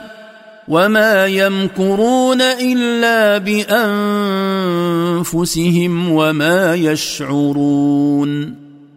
ومثل ما حصل من اكابر المشركين في مكه من صد عن سبيل الله جعلنا في كل قريه رؤساء وعظماء يعملون حيلهم وكيدهم في الدعوه الى سبيل الشيطان ومحاربه الرسل واتباعهم والواقع ان مكرهم وكيدهم انما يعود عليهم ولكنهم لا يحسون بذلك لجهلهم واتباع اهوائهم واذا جاءتهم ايه قالوا لن نؤمن حتى نؤتى مثل ما اوتي رسل الله الله اعلم حيث يجعل رسالته سيصيب الذين اجرموا صغار عند الله وعذاب شديد بما كانوا يمكرون واذا جاءت كبراء الكفار ايه من الايات التي ينزلها الله على نبيه قالوا لن نؤمن حتى يعطينا الله مثل ما اعطى الانبياء من النبوه والرساله فرد الله عليهم بانه اعلم بمن هو صالح للرساله والقيام باعبائها فيختصه بالنبوه والرساله سينال هؤلاء الطغاه ذل واهانه لتكبرهم عن الحق وعذاب شديد بسبب مكرهم فمن يرد الله ان يهديه يشرح صدره للاسلام ومن يرد ان يضله يجعل صدره ضيقا حرجا كانما يصعد في السماء كذلك يجعل الله الرجس على الذين لا يؤمنون فمن يرد الله ان يوفقه الى طريق الهدايه يفسح صدره ويهيئه لقبول الاسلام ومن يرد ان يخذله ولا يوفقه للهدايه يجعل صدره شديد الضيق عن قبول الحق بحيث يمتنع دخول الحق الى قلبه كامتناع ارتقائه الى السماء وعجزه عن ذلك بذاته وكما جعل الله حال الضال بهذه الحال من الضيق الشديد يجعل العذاب على الذين لا يؤمنون به وهذا صراط ربك مستقيما قد فصلنا الايات لقوم يذكرون وهذا الدين الذي شرعناه لك ايها الرسول هو صراط الله المستقيم الذي لا اعوجاج فيه قد بينا الايات لمن له وعي وفهم يعي به عن الله لهم دار السلام عند ربهم وهو وليهم بما كانوا يعملون لهم دار يسلمون فيها من كل مكروه وهي الجنه والله ناصرهم ومؤيدهم جزاء على ما كانوا يعملون من الصالحات ويوم يحشرهم جميعا يا معشر الجن قد استكثرتم من الانس وقال اولياؤهم من الانس ربنا استمتع بعضنا ببعض وبلغنا اجلنا الذي اجلت لنا قال النار مثواكم خالدين فيها الا ما شاء الله إن ربك حكيم عليم واذكر أيها الرسول يوم يحشر الله الثقلين من الإنس والجن ثم يقول الله يا معشر الجن قد أكثرتم من إضلال الإنس وصدهم عن سبيل الله وقال أتبعهم من الإنس مجيبين ربهم يا ربنا تمتع كل منا بصاحبه فالجني تمتع بطاعة الإنسي له والإنسي تمتع بنيل شهواته وبلغنا الاجل الذي اجلت لنا فهذا يوم القيامه قال الله النار مستقركم خالدين فيها الا ما شاء الله من قدر مده ما بين مبعثهم من قبورهم الى مصيرهم الى جهنم فتلك المده التي استثناها الله من خلودهم في النار ان ربك ايها الرسول حكيم في تقديره وتدبيره عليم بعباده وبمن يستحق منهم العذاب وكذلك نولي بعض الظالمين بعضا بما كانوا يكسبون وكما ولينا المرده من الجن وسلطناهم على بعض الناس ليضلوهم نولي كل ظالم ظالما يحثه على الشر ويحضه عليه وينفره عن الخير ويزهده فيه جزاء لهم على ما كانوا يكسبون من المعاصي يا معشر الجن والانس الم ياتكم رسل منكم يقصون عليكم اياتي وينذرونكم لقاء يومكم هذا قالوا شهدنا على انفسنا وغرتهم الحياه الدنيا وشهدوا على انفسهم انهم كانوا كافرين ونقول لهم يوم القيامه يا معشر الانس والجن الم ياتكم رسل من جنسكم فهم من الانس يتلون عليكم ما انزل الله عليهم ويخوفونكم لقاء يومكم هذا الذي هو يوم القيامه قالوا بلى اقررنا اليوم على انفسنا بان رسلك قد بلغونا واقررنا بلقاء هذا اليوم لكن كذبنا رسلك وكذبنا بلقاء هذا اليوم وخدعتهم الحياه الدنيا بما فيها من زينه وزخرف ونعيم زائل واقروا على انفسهم انهم كانوا في الدنيا كافرين بالله وبرسله ولن ينفعهم هذا الاقرار ولا الايمان لفوات وقته ذلك ان لم يكن ربك مهلك القرى بظلم واهلها غافلون ذلك الاعذار بارسال الرسل الى الانس والجن لئلا يعاقب احد على ما جناه وهو لم يرسل اليه رسول ولم تبلغه دعوه فلم نعذب امه من الامم الا بعد ارسال الرسل اليهم ولكل درجات مما عملوا وما ربك بغافل عما يعملون ولكل منهم درجات بحسب اعمالهم فلا يستوي كثير الشر وقليله ولا التابع والمتبوع كما لا يستوي ثواب الذين يعملون الصالحات وليس ربك بغافل عما كانوا يعملونه بل هو مطلع عليه لا يخفى عليه منه شيء وسيجازيهم على اعمالهم وربك الغني ذو الرحمه إن يشأ يذهبكم ويستخلف من بعدكم ما يشاء كما أنشأكم من ذرية قوم آخرين وربك أيها الرسول هو الغني عن عباده فلا يحتاج إليهم ولا إلى عبادتهم ولا يضره كفرهم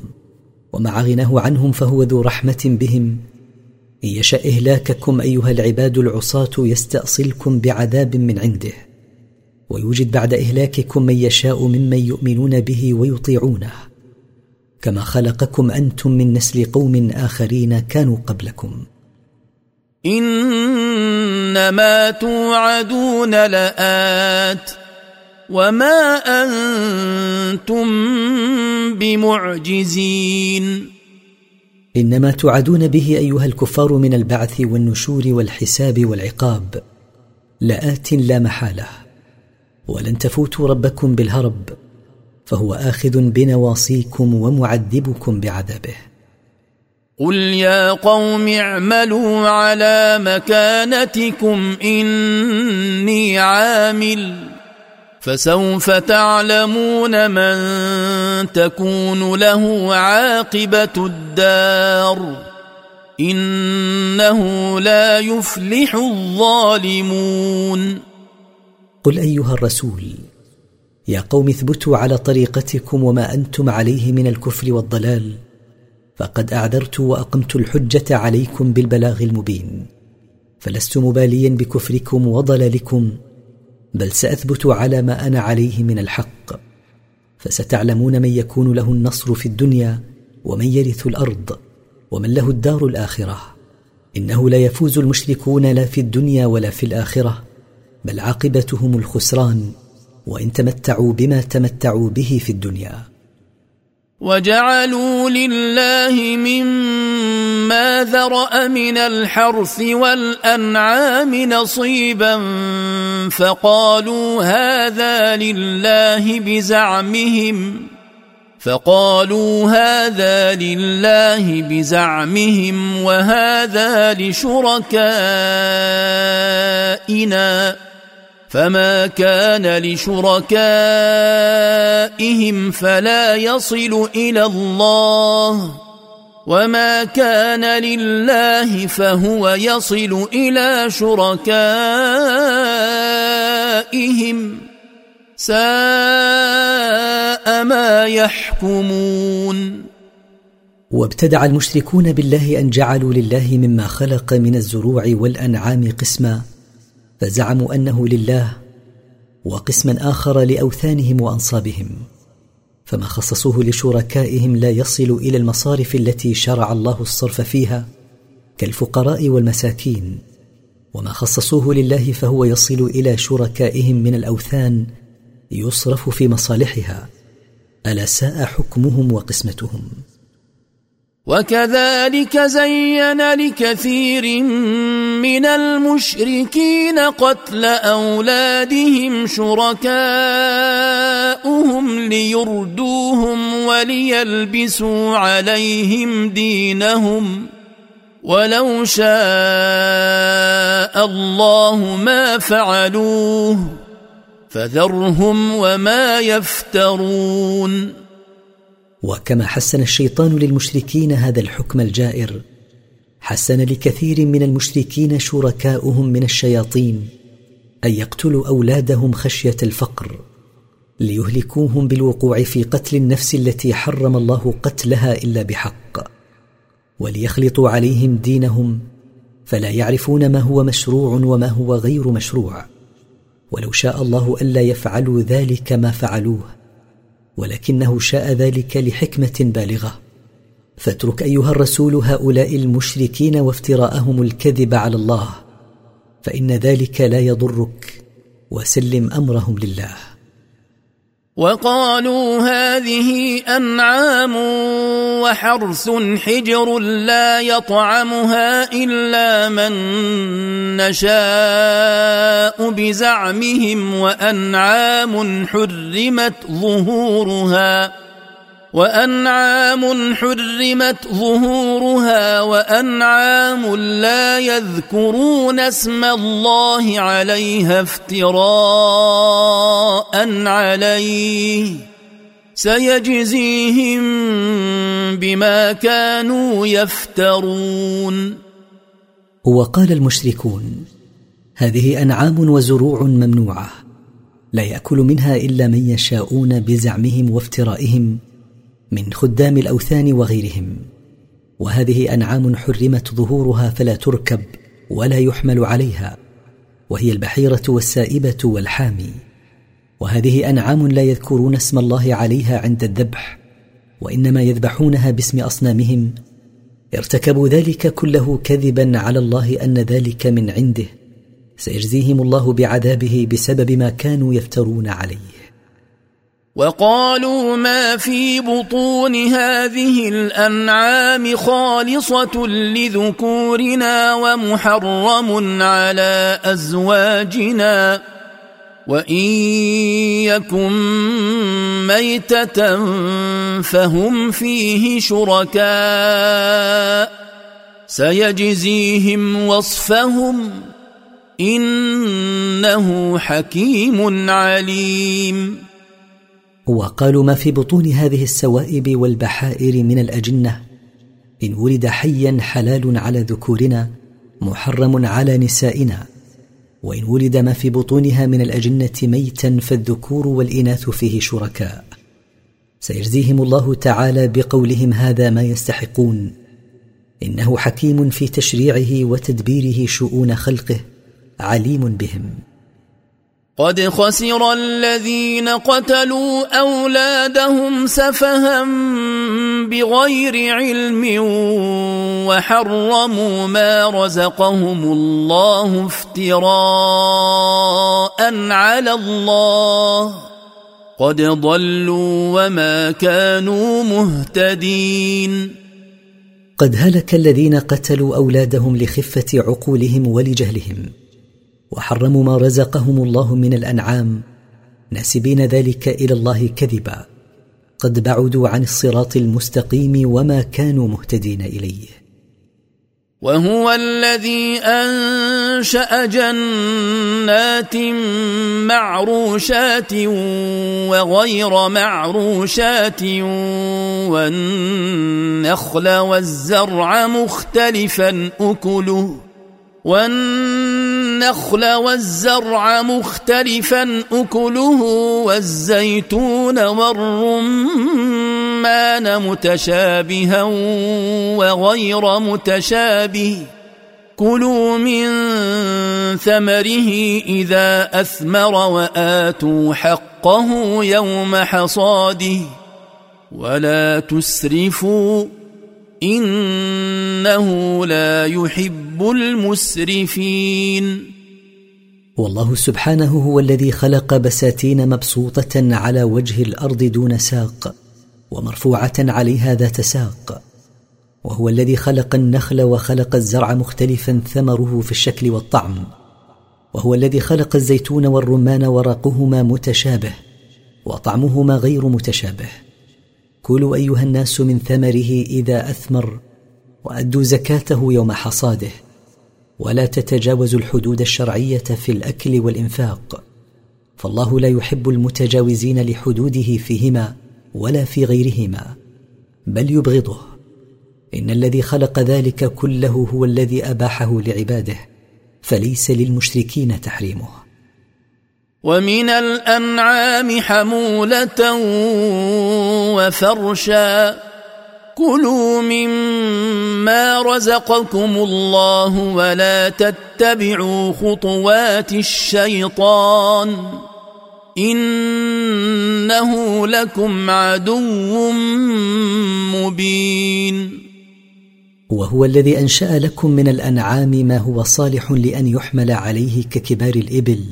وما ليس صالحا لذلك كصغاره وكالغنم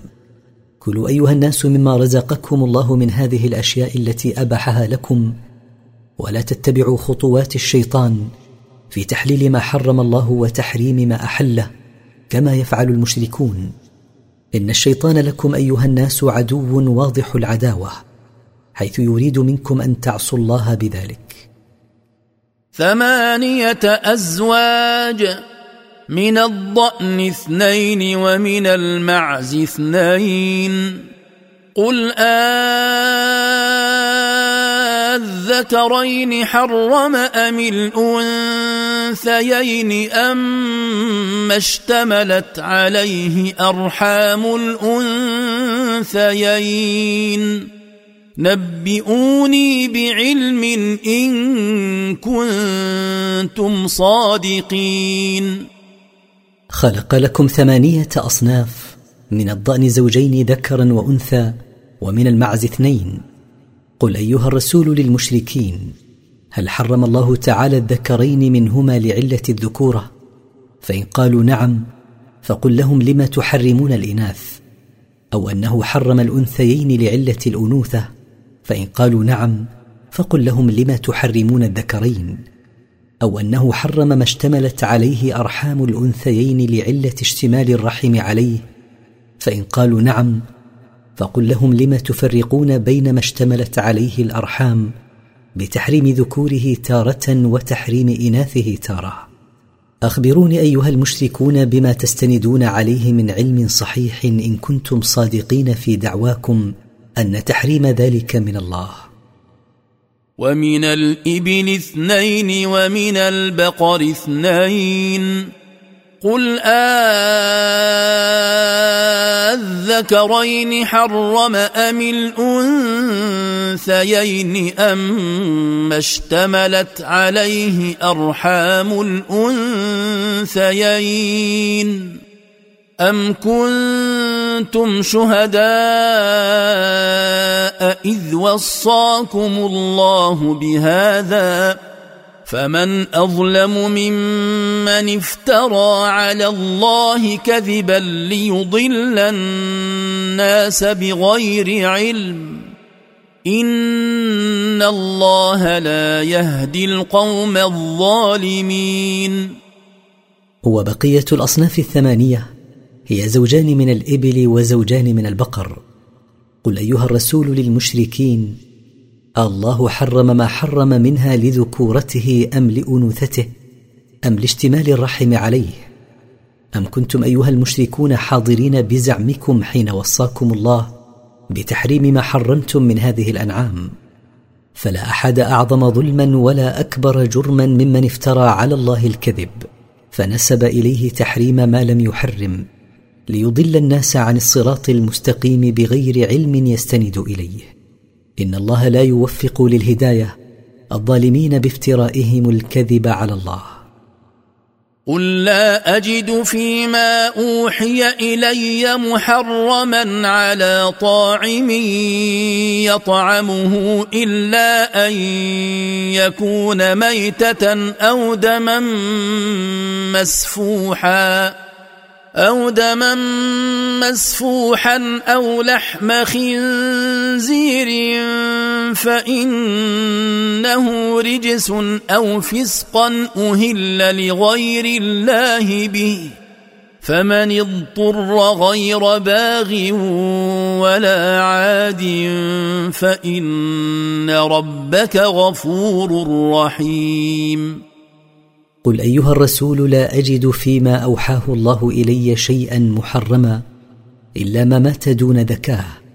او كان دما سائلا او كان لحم خنزير فانه نجس حرام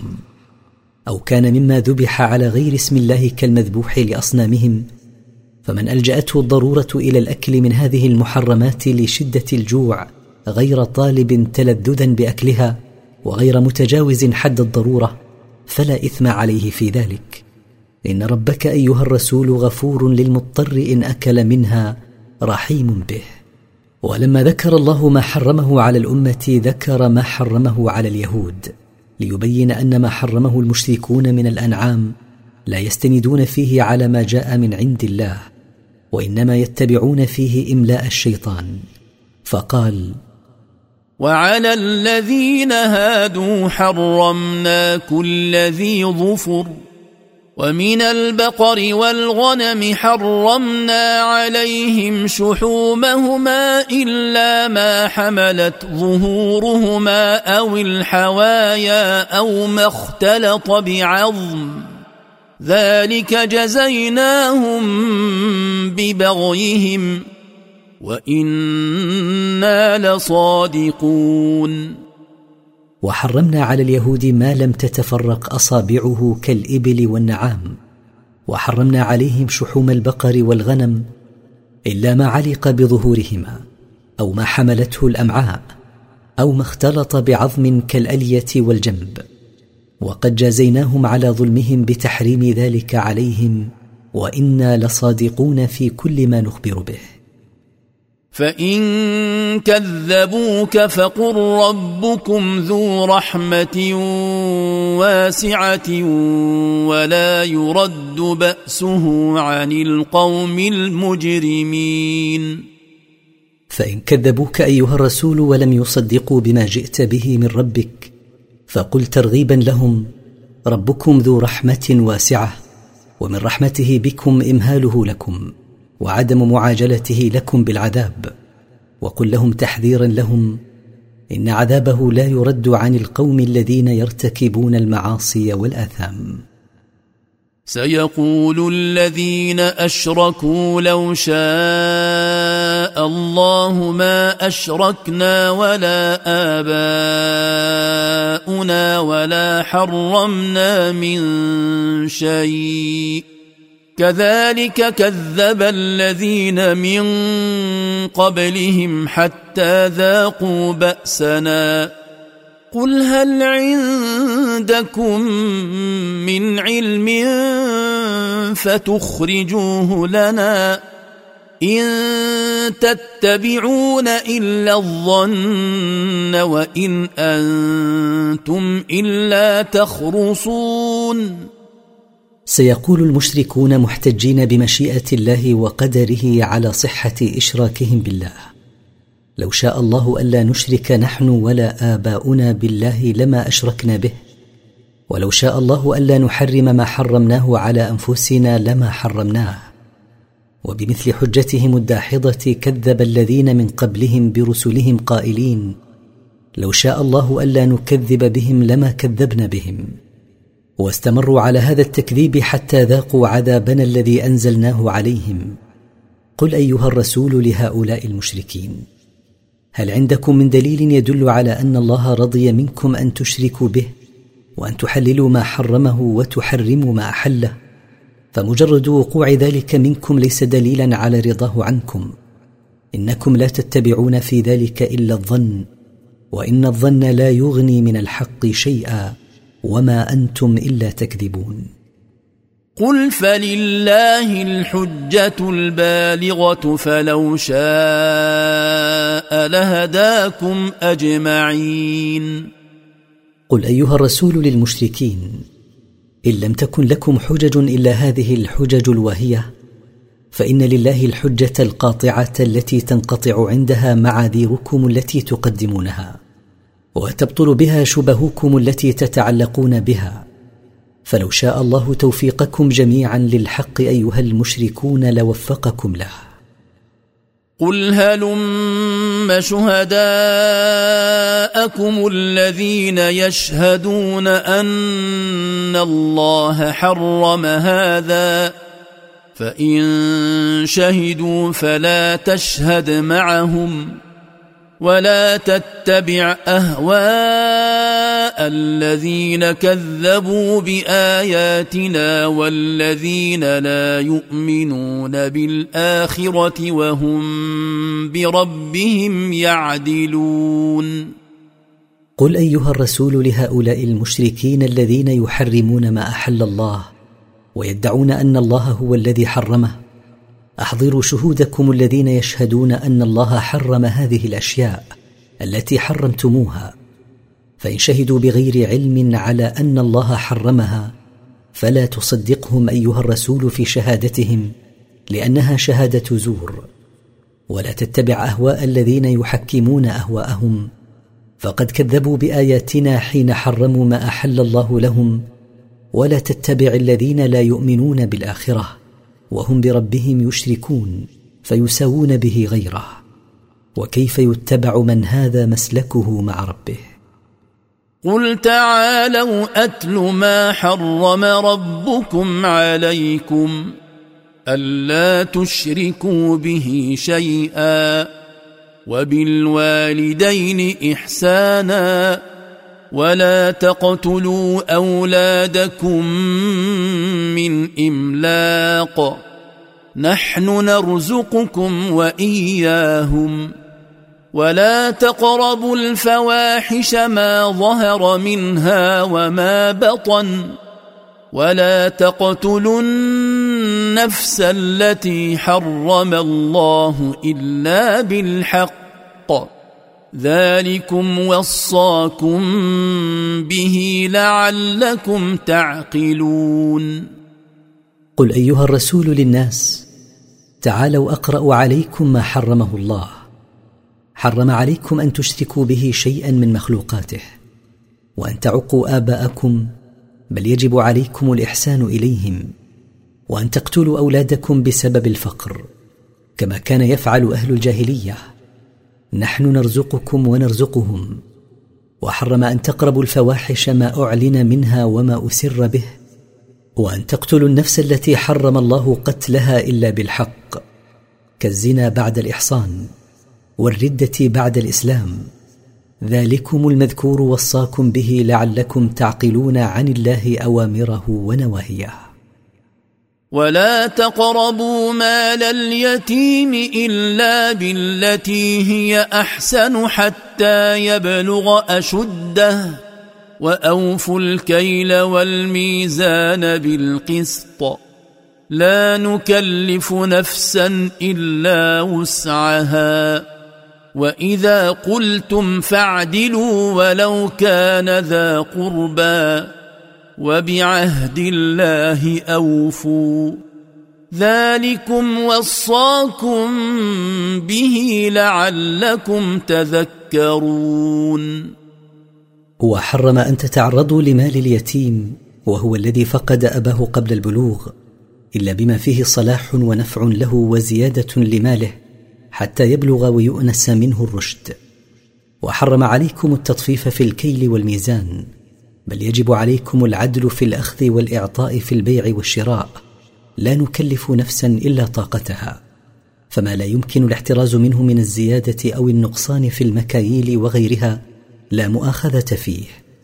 وحرم عليكم ان تقولوا غير الصواب في خبر او شهاده دون محاباه قريب او صديق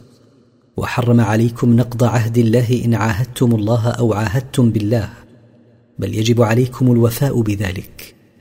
ذلك المتقدم امركم الله به امرا مؤكدا رجاء ان تتذكروا عاقبه امركم وان هذا صراطي مستقيما فاتبعوه ولا تتبعوا السبل فتفرق بكم عن سبيله ذلكم وصاكم به لعلكم تتقون وحرم عليكم ان تتبعوا سبل الضلال وطرقه بل يجب عليكم اتباع طريق الله المستقيم الذي لا اعوجاج فيه وطرق الضلال تؤدي بكم الى التفرق والبعد عن طريق الحق ذلك الاتباع لطريق الله المستقيم هو الذي وصاكم الله به رجاء ان تتقوه بامتثال ما امر به واجتناب ما نهى عنه ثم اتينا موسى الكتاب تماما على الذي احسن وتفصيلا لكل شيء وهدى ورحمه وهدى ورحمه لعلهم بلقاء ربهم يؤمنون ثم بعد الاخبار بما ذكر نخبر ان اعطينا موسى التوراه تماما للنعمه جزاء على احسانه العمل وتبيينا لكل شيء يحتاج اليه في الدين ودلاله على الحق ورحمه رجاء ان يؤمنوا بلقاء ربهم يوم القيامه فيستعدوا له بالعمل الصالح وهذا كتاب انزلناه مبارك فاتبعوه واتقوا لعلكم ترحمون وهذا القران كتاب انزلناه كثير البركه لما يشتمل عليه من المنافع الدينيه والدنيويه فاتبعوا ما انزل فيه واحذروا مخالفته رجاء ان ترحموا أن تقولوا إنما أنزل الكتاب على طائفتين من قبلنا وإن كنا عن دراستهم لغافلين لئلا تقولوا يا مشركي العرب إنما أنزل الله التوراة والإنجيل على اليهود والنصارى من قبلنا ولم ينزل علينا كتابا وانا لا ندري تلاوه كتبهم لانها بلغتهم وليست بلغتنا او تقولوا لو انا انزل علينا الكتاب لكنا اهدى منهم فقد جاءكم بينه من ربكم وهدى ورحمه فمن اظلم ممن كذب بايات الله وصدف عنها